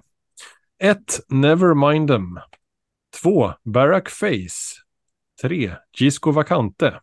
4. Eric the Phantom. 5. Julia Sisu. 6. Dancer Brodde. 7. Danger B. 8. Peto. Och på bakspår 9. Greensboro set. Pole position har nummer 10 och avslutar gör 11 Staro McCrow. Skönt startfält och nu tänkte jag chocka hela podd-Sverige och inleda själv med att plocka en häst. Eh, jag plockar två Barack Face. Martin? Ja, Barack Face har hoppat två av tre på Åby och han skötte sig bra sist, men det kändes ju som att det gick lite på nålar. Eh, så jag tror att Dancer Brodde vinner det här. Nummer sex. Japp. Vi tar vidare till Oskar. Eh, jag var lite inne på eh, samma linje. Nu, nu eh, felade Dancer Brodde sist i första sväng, men det var första barfota runt om och jag ser att de har på framskorna igen här nu. Eh, och det är lite, lite kortare distans. Eh, så att, ja, jag tror nog på Dancer Brodde här också, även om eh, Barack Face kanske är den som långsiktigt kommer att vara den, den, en av de bästa hästarna vi har haft som det ser ut. Mm, sen får Stefan äran att avsluta. Danse Brodde. Ja, men jag tror att Danse Brodde leder det här från start till mål. Eh, ja. Det, det lyser vanlig vagn. Är det något att bry sig om? Lite Nej, skor på. Det tror jag inte har någon eh, betydelse alls. Det är för att han har... väldigt uh, tungbalanserad va? Mm. Ja, nej men alltså han har gått i amerikansk vagn två av de fem senaste starterna, bägge har han felat. Eh, mm. När han har gått med vanlig vagn har han varit asbra. Så vi kan väl konstatera att han går med en vagn som han tycker är bra, hästen. Mm. Ja, han har gått med amerikansk vagn två gånger i livet, felat bägge. Yes. Både, med, både med skor och utan skor. Någon mer som ni vill nämna på något sätt i det här loppet? Eh, ja, det är stor med. Mm, Julia Sisu det... nummer fem.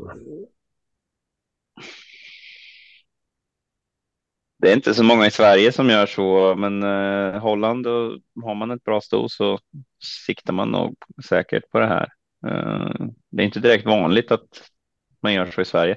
Väldigt stor spridning. Nevermind them har 285 000 på kontot. Gisco Vacante 294. Uh, och Dancer Broad och Barack Face 3 miljoner. Uh, men Star och Macro är väl en som man känner fasen skulle kunna få till det i i ett, ett av de större loppen. Nu var han, väl, han var ju tvåa i Sprintermästaren. Det är ett Men, ganska bra sto med, sto med i det andra uttagningsloppet också. Jaha. Ja. Joviality är med där. Mm. Undrar ja. varför inte det var med på V75. Eh, retorisk fråga. Eh, vad hade någon tanke här också? Jo, vi är ju på Åby och då kan vi ju åtminstone nämna att det faktiskt är open stretch två spår innanför på upploppet som man får använda sig av. Ehm, det är också något att ha med sig i sammanhanget. Kanske inte för första tanken, men i analysen av loppen senare i varje fall. Mm, det var en sån grej som gjorde att jag funderade, tänkte lite på Barack Face för att ja, men han kanske kan krossa den Danse Brodde. Jo, men då kan Johan släppa och sen ta honom på stretchen. Så det, det känns som att det känns som att open stretch inte är något som gynnar Barack Face. Men eh, vem vet, de kanske har fått till det där sista på honom. Och, och ja. i så fall är han ju omöjlig. Skönt lopp, hoppas vi. Mm. Eh, vi går vidare till V75 2 och då kommer vi då in 2140 meter autostart Monté. Det vill säga att vi har en ryttare på hästen istället för en kusk i sulky bakom. 250 ehm, 000 i första pris och 12 hästar till start. Med följande deltagare. 1. Billions. 2. Flexible Launcher. 3. Orlando. 4. Criterion. 5. Melby Frodo. 6. IS Elisabeth. 7. Ubiquarian Face. 8. Dynamite Light. 9. McGarrett. 10. LL Royal. 11 Linus Boy och 12 Quite a Quality. Den här gången får Martin äran att inleda. Vad tänker du om mm. detta? Monté är ju alltid lite svårare, men jag tittar lite på ryttarna och, och lite vad, hur de har valt. Men eh, de, Kari har ju ett spår, ett lite sådär spår, så Nej, jag går lite på, jag tror en väldigt bra häst i sammanhanget. Tre Orlando som eh, vann senast han var ute i Monté. Noterar vi. Oskar, vad säger du? Så att just och kollade på Orlando också som gått rätt så hyfsat i Frankrike i Monté också. Um, Jag tycker att LL Royal känns som en häst som skulle kunna höja sig i monté utan att ha någon sån där jättebelägg för det. Jag har inte kört honom så där jättemånga gånger, noll faktiskt, men, men känns, äh, känns som en äh, sån häst. Äh, jäkligt dåligt läge, men spåren betyder inte så mycket i monté faktiskt. Det är en sån grej som gör att det är lite roligare spelform kanske till och med. Många får plats på, får alla plats bakom bilen, monté? På, alltså ingen bakom. Många ja, på plats bakom ringen. Ja, det tror jag. Eh, till och med när det är 12 hästar. Jag är inte säker. Hade det varit 10 hästar hade jag varit säker. Mm, ja, det var det som jag... De tog ju bort bakspår. Men jag tänkte säga det, när det är autostart brukar det väl bara vara 10 va? Ja. Oj, vad välkommen duktiga vi var på att montera. Välkommen här, åter till Torsdagspodden. Ja, du, har ju åkt upp, du har ju åkt upp bakom eh, spår 8 några gånger, Oskar. Vad har det stått för monterbricka där då? Har du läst? uh, ja, jag har läst många. alltså, ja, nej, det står ju bara. Nej, det har jag inte tänkt på. Ja, nej, men det var ju rätt pinsamt att vi hade så dålig koll. Ber om ursäkt alla Monté-älskare att vi hade så bedrövligt usel koll på det.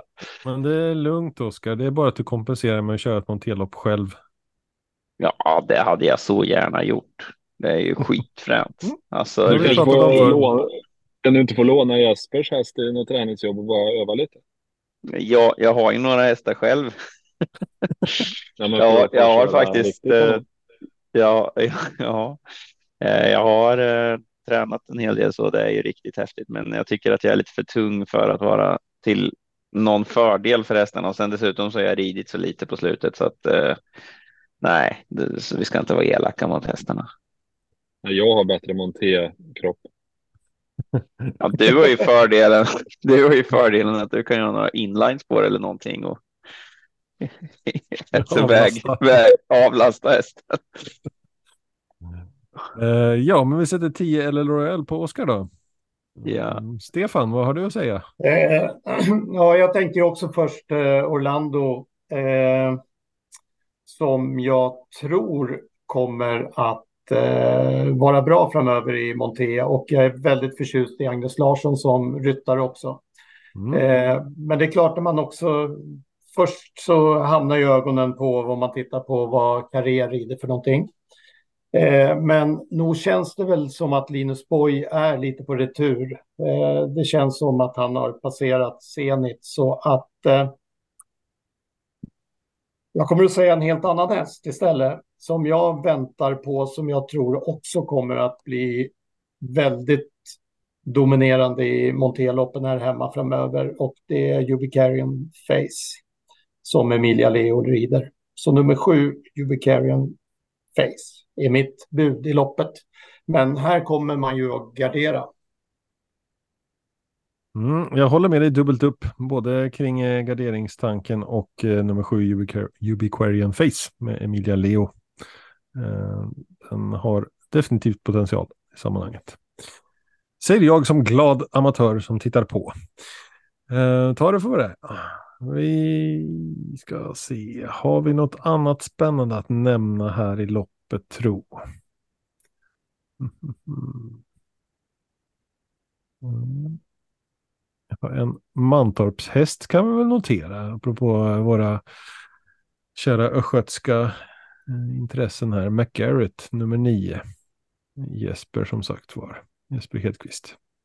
Eh, får jag bara hoppa tillbaka och säga att enligt 53 paragrafen i tävlingsregementet så står det att monterlopp startas med samtliga hästar i ett led bakom bilen och sen är det inte förtydligat eh, att det kan vara si eller så många utan det är nog helt enkelt så att alla tolv har vi bakom bilen och inga bakspår.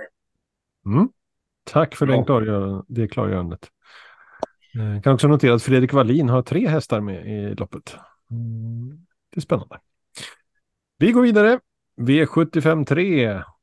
Och här kommer vi till ungdoms-SM med 150 000 i första pris och 12 startande på 2140 meter autostart.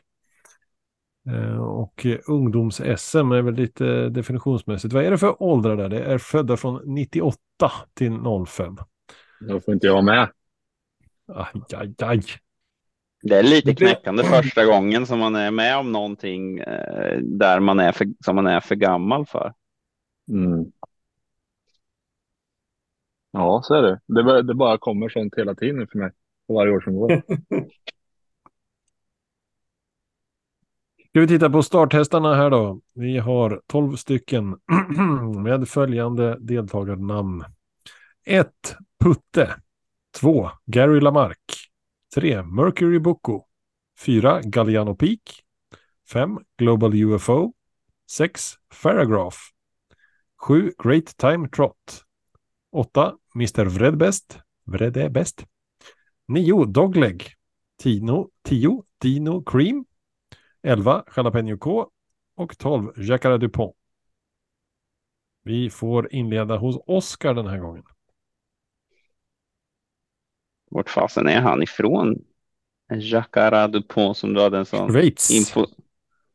Är det Schweiz? CH. Ja, äh, just det här eh, Excusez-moi-uttalet från V75 Färjestad-poddarna blev jag galen på för övrigt. Jag har aldrig läst franska i hela mitt liv, men eh, jag kan åtminstone säga excusez-moi. Eh, nåväl. Dagens rant. ja, jag kände att jag var väl med där också. Oj, oj, oj. Oh. och jag är en sån som reagerar väldigt kraftigt på, på uttal så där också. Ja du, det här var inget, eh, det var inget lätt lopp. Danskt, jo. tyskt, eh, nederländskt det... och schweiziskt deltagande. Isch. Det är för jävla tråkigt. Man vill ju inte, man vill ju inte säga Magnus A. Ljus i, i det här loppet med en Svante Båt-tränad häst. Alltså inget emot någon av dem, men man vill ju att någon annan ska vinna. Eh, ja, men titta här, Mercury Boko, den har jag fått dyngspö av i något tillfälle och Malta handfast kör. Det, det känns roligt. Vi kör tre Mercury Boko. Den noterar vi. Stefan, vad säger du? Eh, jag säger eh, det, är som, det som Oskar säger, man, man, man vill inte bara ta den enkla vägen och säga Great Time Trot. Eh, så jag drar till med en eh, rysare som ändå har varit ute i, i hårda gäng i stort sett hela tiden. Och det är Putte med Tom Johansson, en välkörande lärling hos Svante Eriksson tror jag va? Mm. Mm, noterar vi den också, men då gör jag det enkelt för mig. För det var Great Time Trot som gällde i mitt huvud. Nummer sju alltså. Ja, Mm. Och då återstår Martin. det var ju skönt att du sa den, för den känns ju som att det är bästa kusk och häst och med tanke på att du ska göra ett system av den här söndagspodden har varit jobbigt att spela utan den. Men nu när du har sagt den, då får jag säga min varning 11 Jalapeno K som är son till en annan ganska bra häst som jag gillar, Sebastian K. Ja, det är nog många som gillar den hästen kan vi säga. Ja, det, så kan det vara.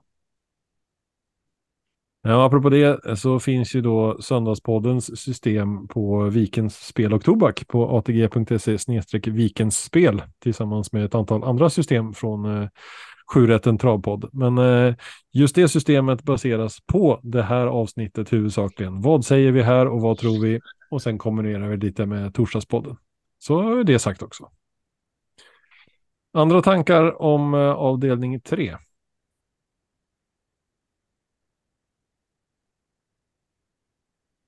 Mm. Jill Ivarsson ersätter eh, Alex Persson. Det var ett snabbt byte. Det var gjort i tid i alla fall. Det stod Alex Persson när jag kollade nyss. Ja, och nu så om man eh, håller för det står, nu är det Jill Ivarsson står det och så står det ursprungligen Alex Persson. Eh, om man håller det över på dogleg där. Eh, ja, det fanns väl en anledning till det. Kanske Alex Persson inte visste om att han skulle köra eller någonting. Vi hoppas att det är något sånt att han är på, på Kanarieöarna eller någonting. Att Han är upptagen med att räffa. Han är upptagen Ja, med att loppet. Jo, det, det kan vara så att han helt enkelt säger ifrån. När, den går anledningen. Magn- när går Magnus och Mats ur ungdomsklassen? Ja, den är ju bara på ålder. Den är ju inte på något sätt på merit. Nej, Så men men hur gamla är de? Ma- Mats Magnus är född 98, 2000. så att han går ut nu. Mm. Det är sista gången för Mats. Mag- Magnus får ju ha två år till. Ja, Två år till. Lite knäckande som eh, motståndare i ungdoms som uppkomning. kanske. Ja, man, det är ju fantastiskt han- bra betyg till det. Han har ju kört så många lopp som man tror att han är 35.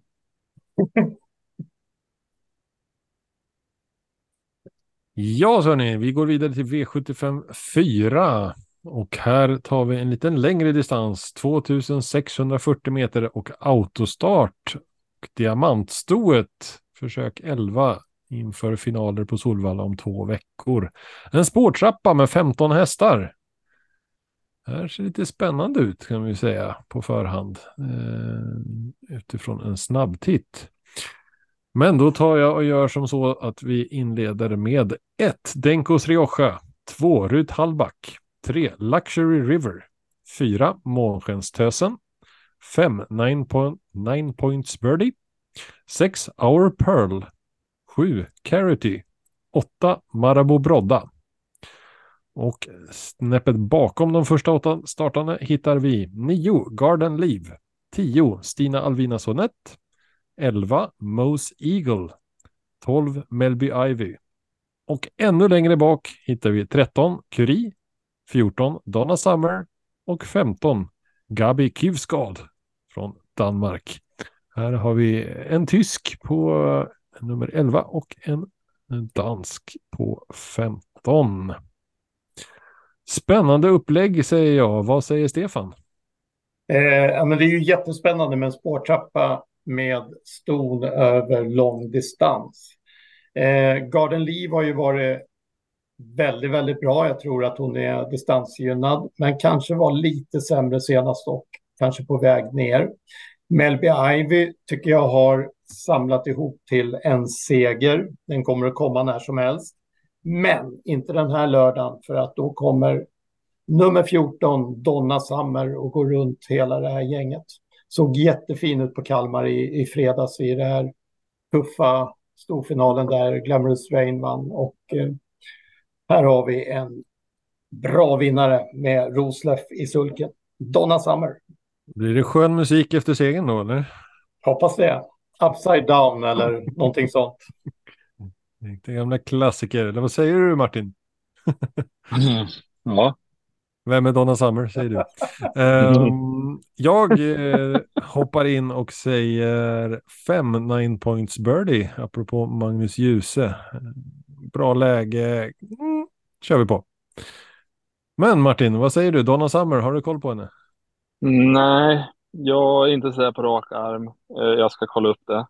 Du har bättre koll på Men- hästen kanske? Eh, Ja, det- den vet jag mer om.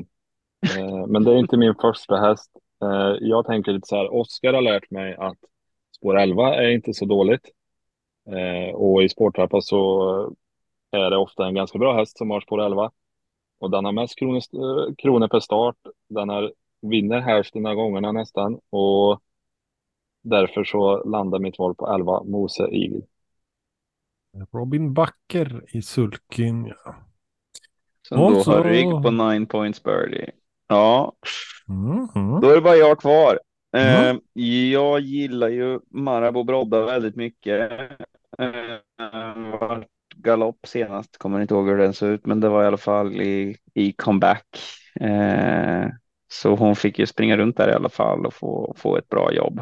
Eh, det är en riktigt klassig häst som har lite för lite pengar på sig och i sådana här sporttrappor så och, och så ah, kan det vara lite lättare att komma till ändå från spår 8. Men nu är det klart att spårtrappor laddar alla för att man måste liksom komma ner. Så det kan bli vingen, men Marabou Brodda, eh, bra häst med, ett lopp i kroppen nu. Mm, samtidigt återigen på Åby så det kan bli lite lättare att släppa kanske så också. Mm. Det finns open stretch. Jo, men så är det ju. Alltså, det är ju oftare man kommer till när man kör till. Det är det som gör Åby en rolig bana, för det är fler som kör, kör ordentligt så det blir lite mera körning hela vägen. Eh, sen är det liksom bara hur vart, vart är Marabou i, i första sväng där. Men eh, det, det låter vi Urberg lösa helt enkelt. Får jag fråga dig en sak, Oskar? Vad du har för... Mm. Eh, jag tänker, det är ju ett gäng, fyra, fem utav hästarna här där, där de bara, inom citattecken, är fyra år. Eh, Jag får ju för mig att över lång distans i ett storlopp så är det inte så tokigt om hästarna är något eller ett par år äldre eh, sett till hårdhet. För här pratar vi ändå inte om några undantagshästar. Det är ju liksom ingen joviality som vi pratar om. Är det Mm. någonting du tar hänsyn till när du tänker tipsmässigt?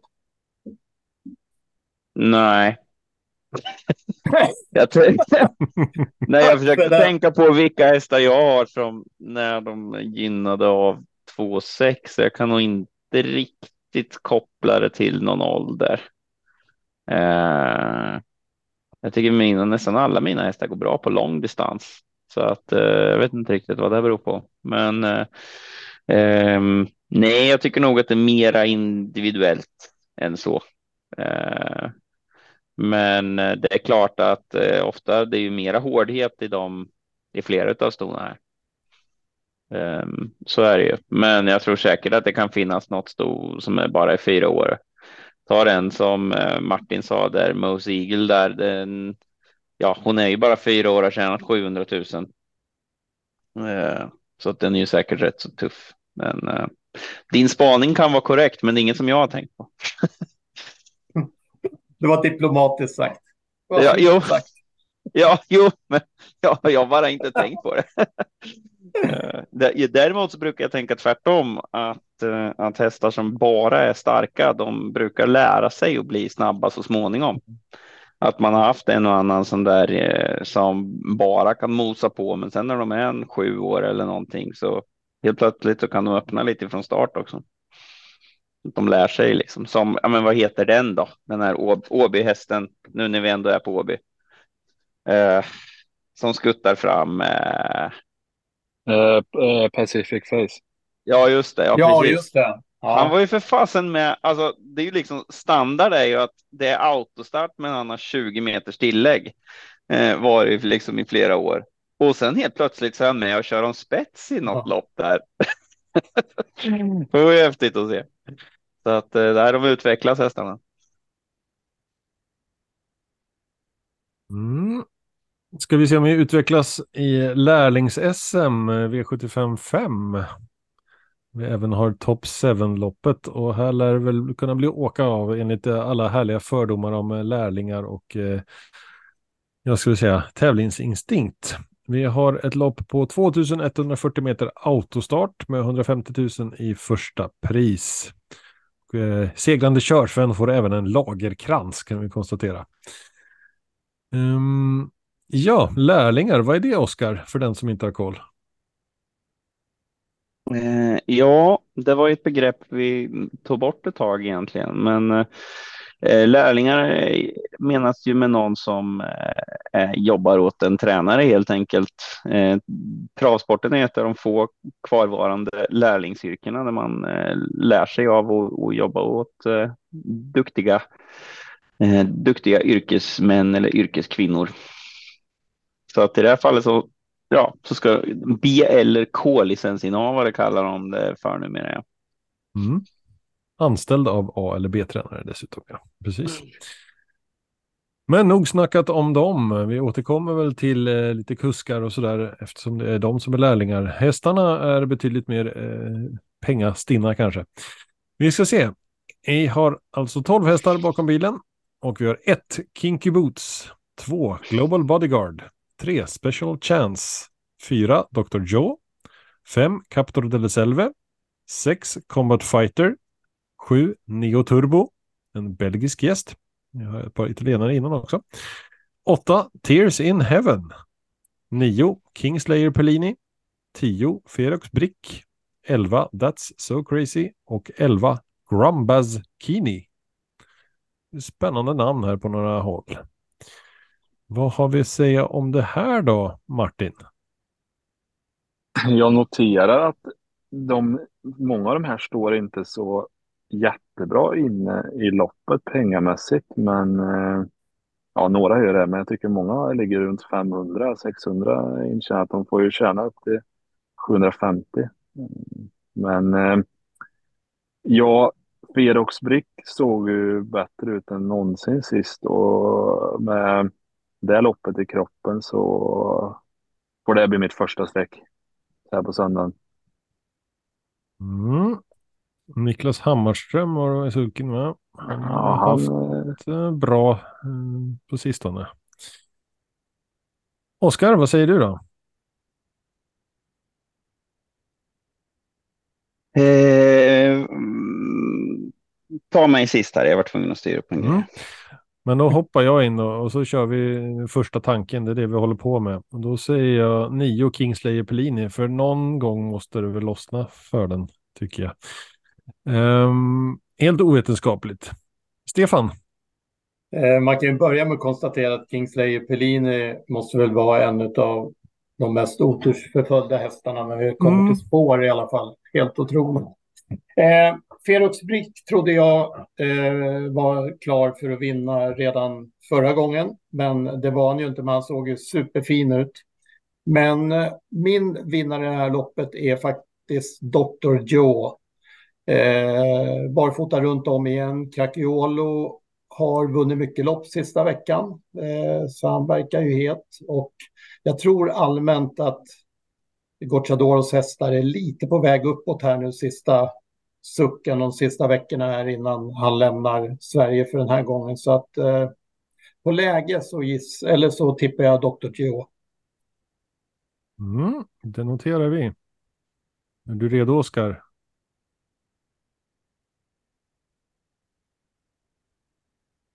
Talande tystnad. Um, har vi något att säga om andra hästar som ni vill nämna eller något sånt? Det känns ju som det kan bli lite rivigt det här. Det var ett öppet lopp tycker jag. Ehm, det är nog, ja, det känns lite som, jag är inne på Felix Brick, där, eh, som kanske en, en spik och spikar man inte så kan man nog nästan ta med hela gänget. Det känns väldigt öppet. Pierce Nevin har ju varit jättebra på slutet. Ja. Men, och Vilma kör ju vårdat, men alltså spår 8 är tufft alltså. Ja, eh, nej och, och Dr. Joe är ju också jättetidig för mig. Eh, Det är ju lite så här nu, Gocciadoro senaste, det är lite så här, eh, lite jobbigt kanske och singelsträckan, men eh, istället har han ju varit lite mindre betrodd nu och, och skrällvunnit med några, så det känns som att eh, och lämna han utanför, nej, det vågar man nästan inte. Ja, det känns som det är lite, som lite smyg, eh, smyg uppåt form på hans hästar igen. Mm. Mm. Ja, han hade en dipp, han hade en dipp eh, typ juli, augusti. Mm. Och var riktigt het där innan eh, Elitloppet och lite efter Elitloppet. Det sista, sista rycket som du säger kanske. Sen har vi ju eh, en sån här som Special Chance är väl, visst är den blixtsnabb ut va? Den är ruskigt snabb ut. Eller blanda ihop det med någon annan sån här special häst som Hapakangas har. Men i alla fall, Mm.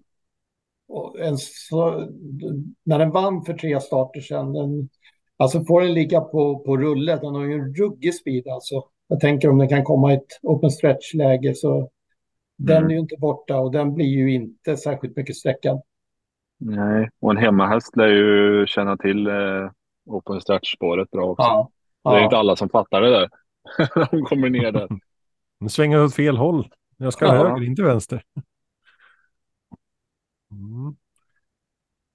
Vi tar och lämnar V75 där för tillfället och går till V75 6 som då är sto-SM, Stefans höjdpunkt och eh, det som eh, fastnar, eller mina ögon fastnar på det är en spårlottning här. Vi återkommer till den eh, strax.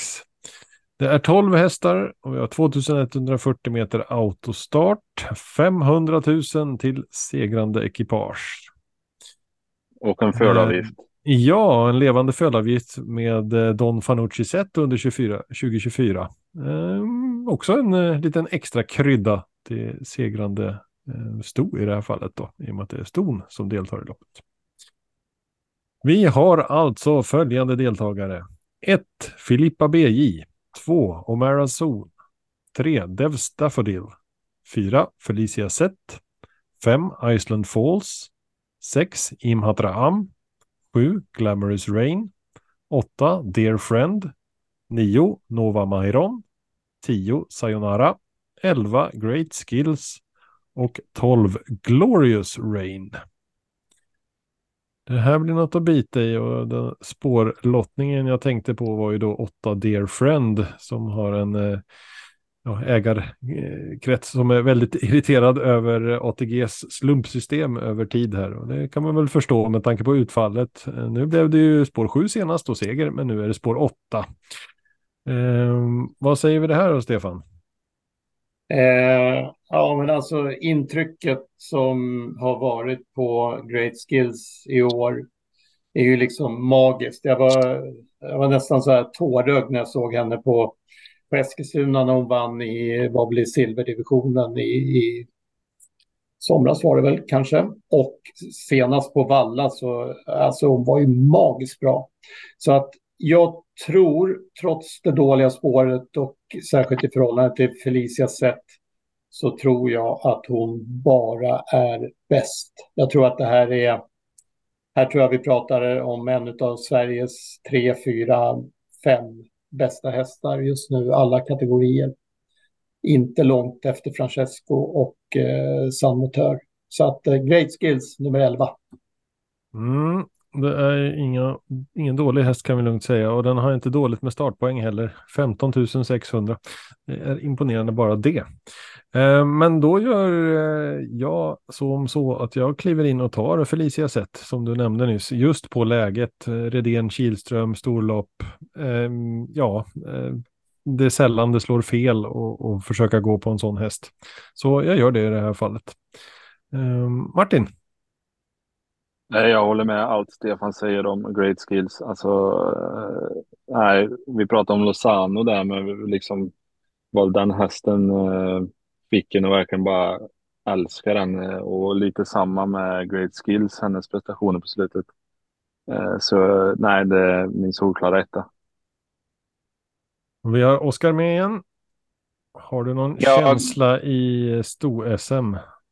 Ja, Great Skills har jag tjatat om hur länge som helst. Nu såg jag att hon fick spår 11 och det gör ju att det kanske går att spela vinnare på henne då.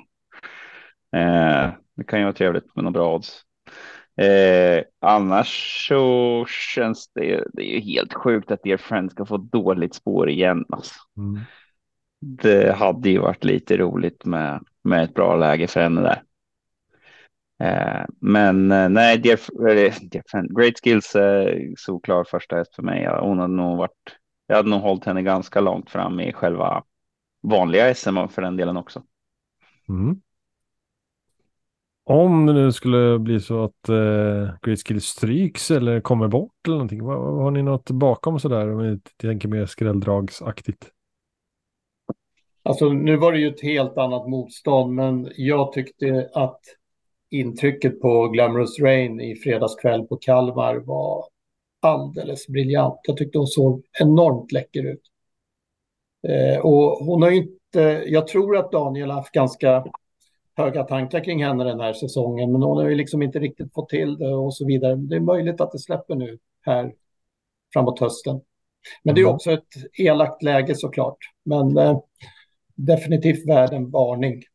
Mm, och medan Mm. eh, Oskar funderar på vilken första häst du ska ha i avdelning 5 så får Martin tycka till om avdelning 6. Jag tänker att om Great Skills kommer bort sig så vinner Filippo BJ på open stretch. Spets och släpper. Mm. Gott så. Vad säger du Oskar? Vi hoppar tillbaka snabbt till avdelning 5. Eh, nej, jag har varit eh, så förtjust i Ferox-Brick. Eh, tycker att det är en eh, ja, otroligt bra häst och, tittade lite närmare på en på, på Eskilstuna där. En typisk sån här Orlando Vici.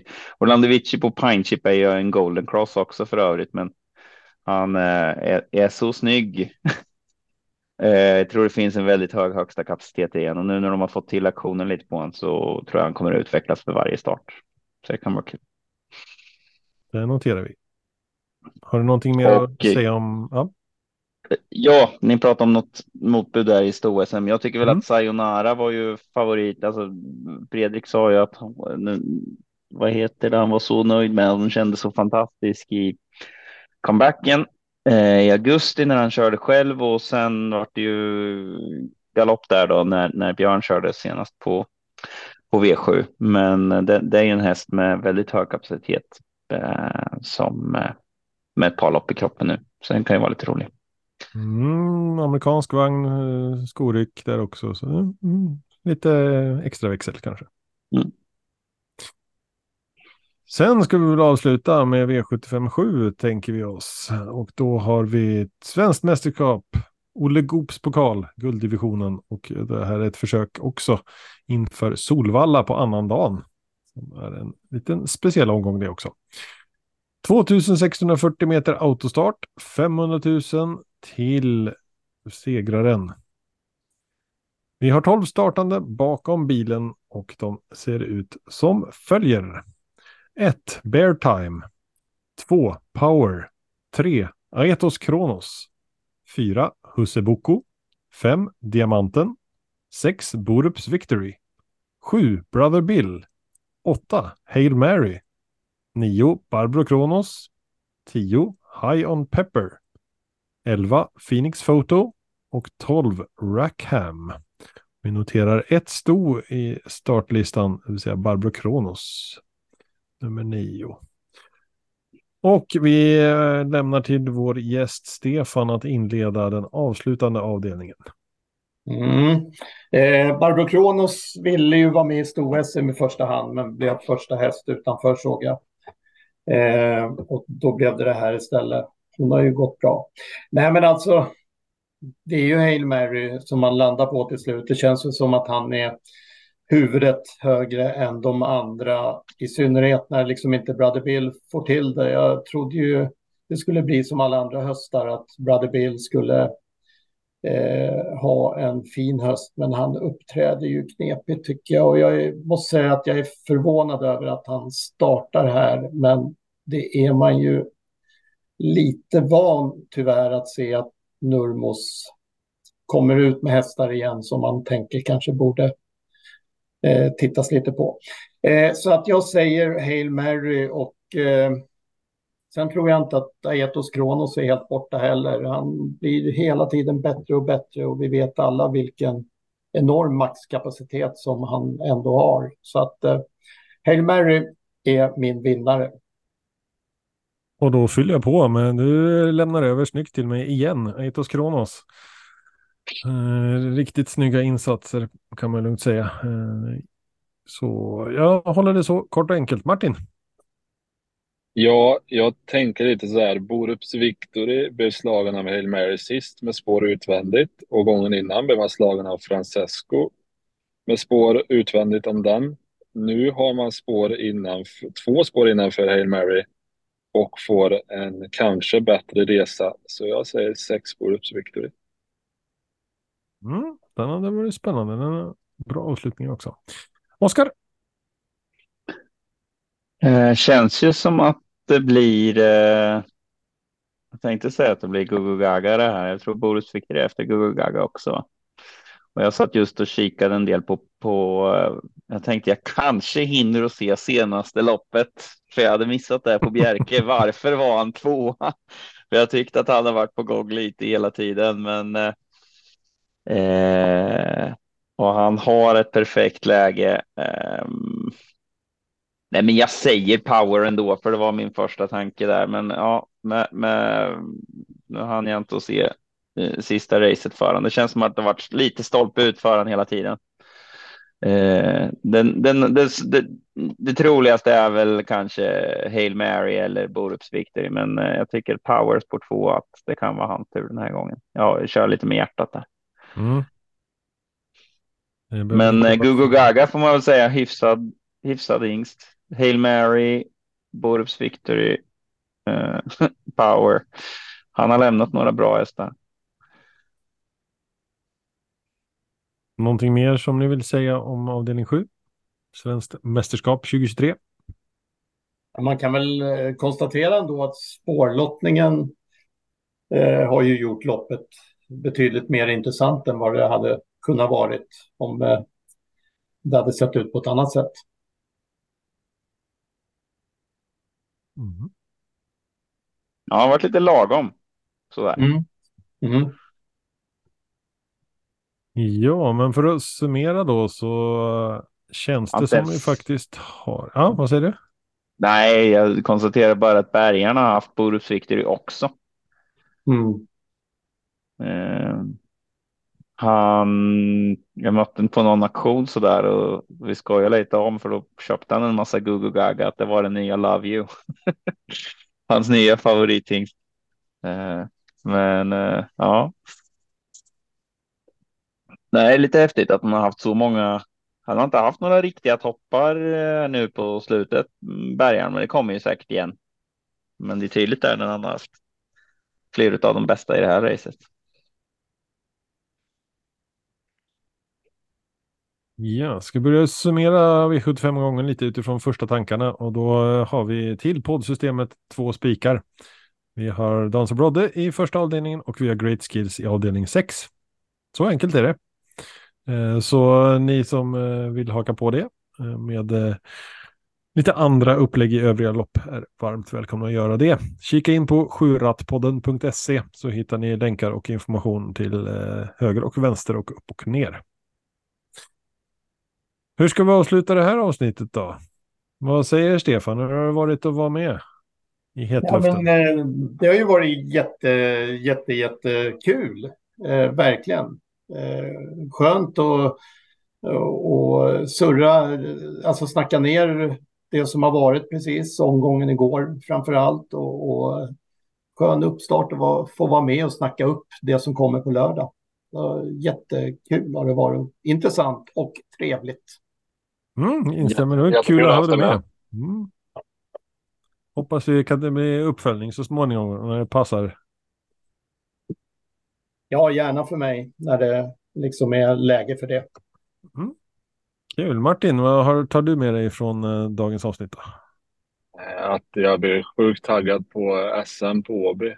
Bara, när vi har läst de här listorna så vill jag ju spola fram till lördag.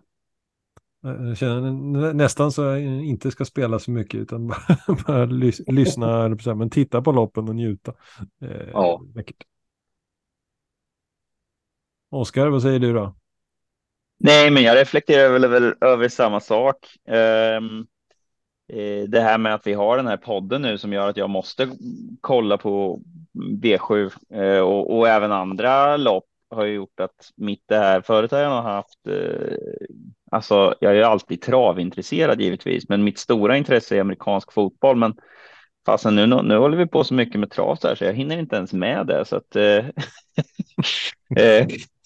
nej, det, man är sjukt taggad eh, på på de här loppen. Väldigt många, många fina lopp. Framförallt SM-loppen ska bli eh, ska bli riktigt kul. Bra, och med det så tar vi helt enkelt och avrundar Söndagspodden den 24 september inför 30 september på Åby V75. Tack för att ni har lyssnat och tack för att ni har varit med. Ta hand om er så hörs vi snart igen. Ha det bra. Hej hej. Hej då. Ha det bra. Hej hej. Hej då.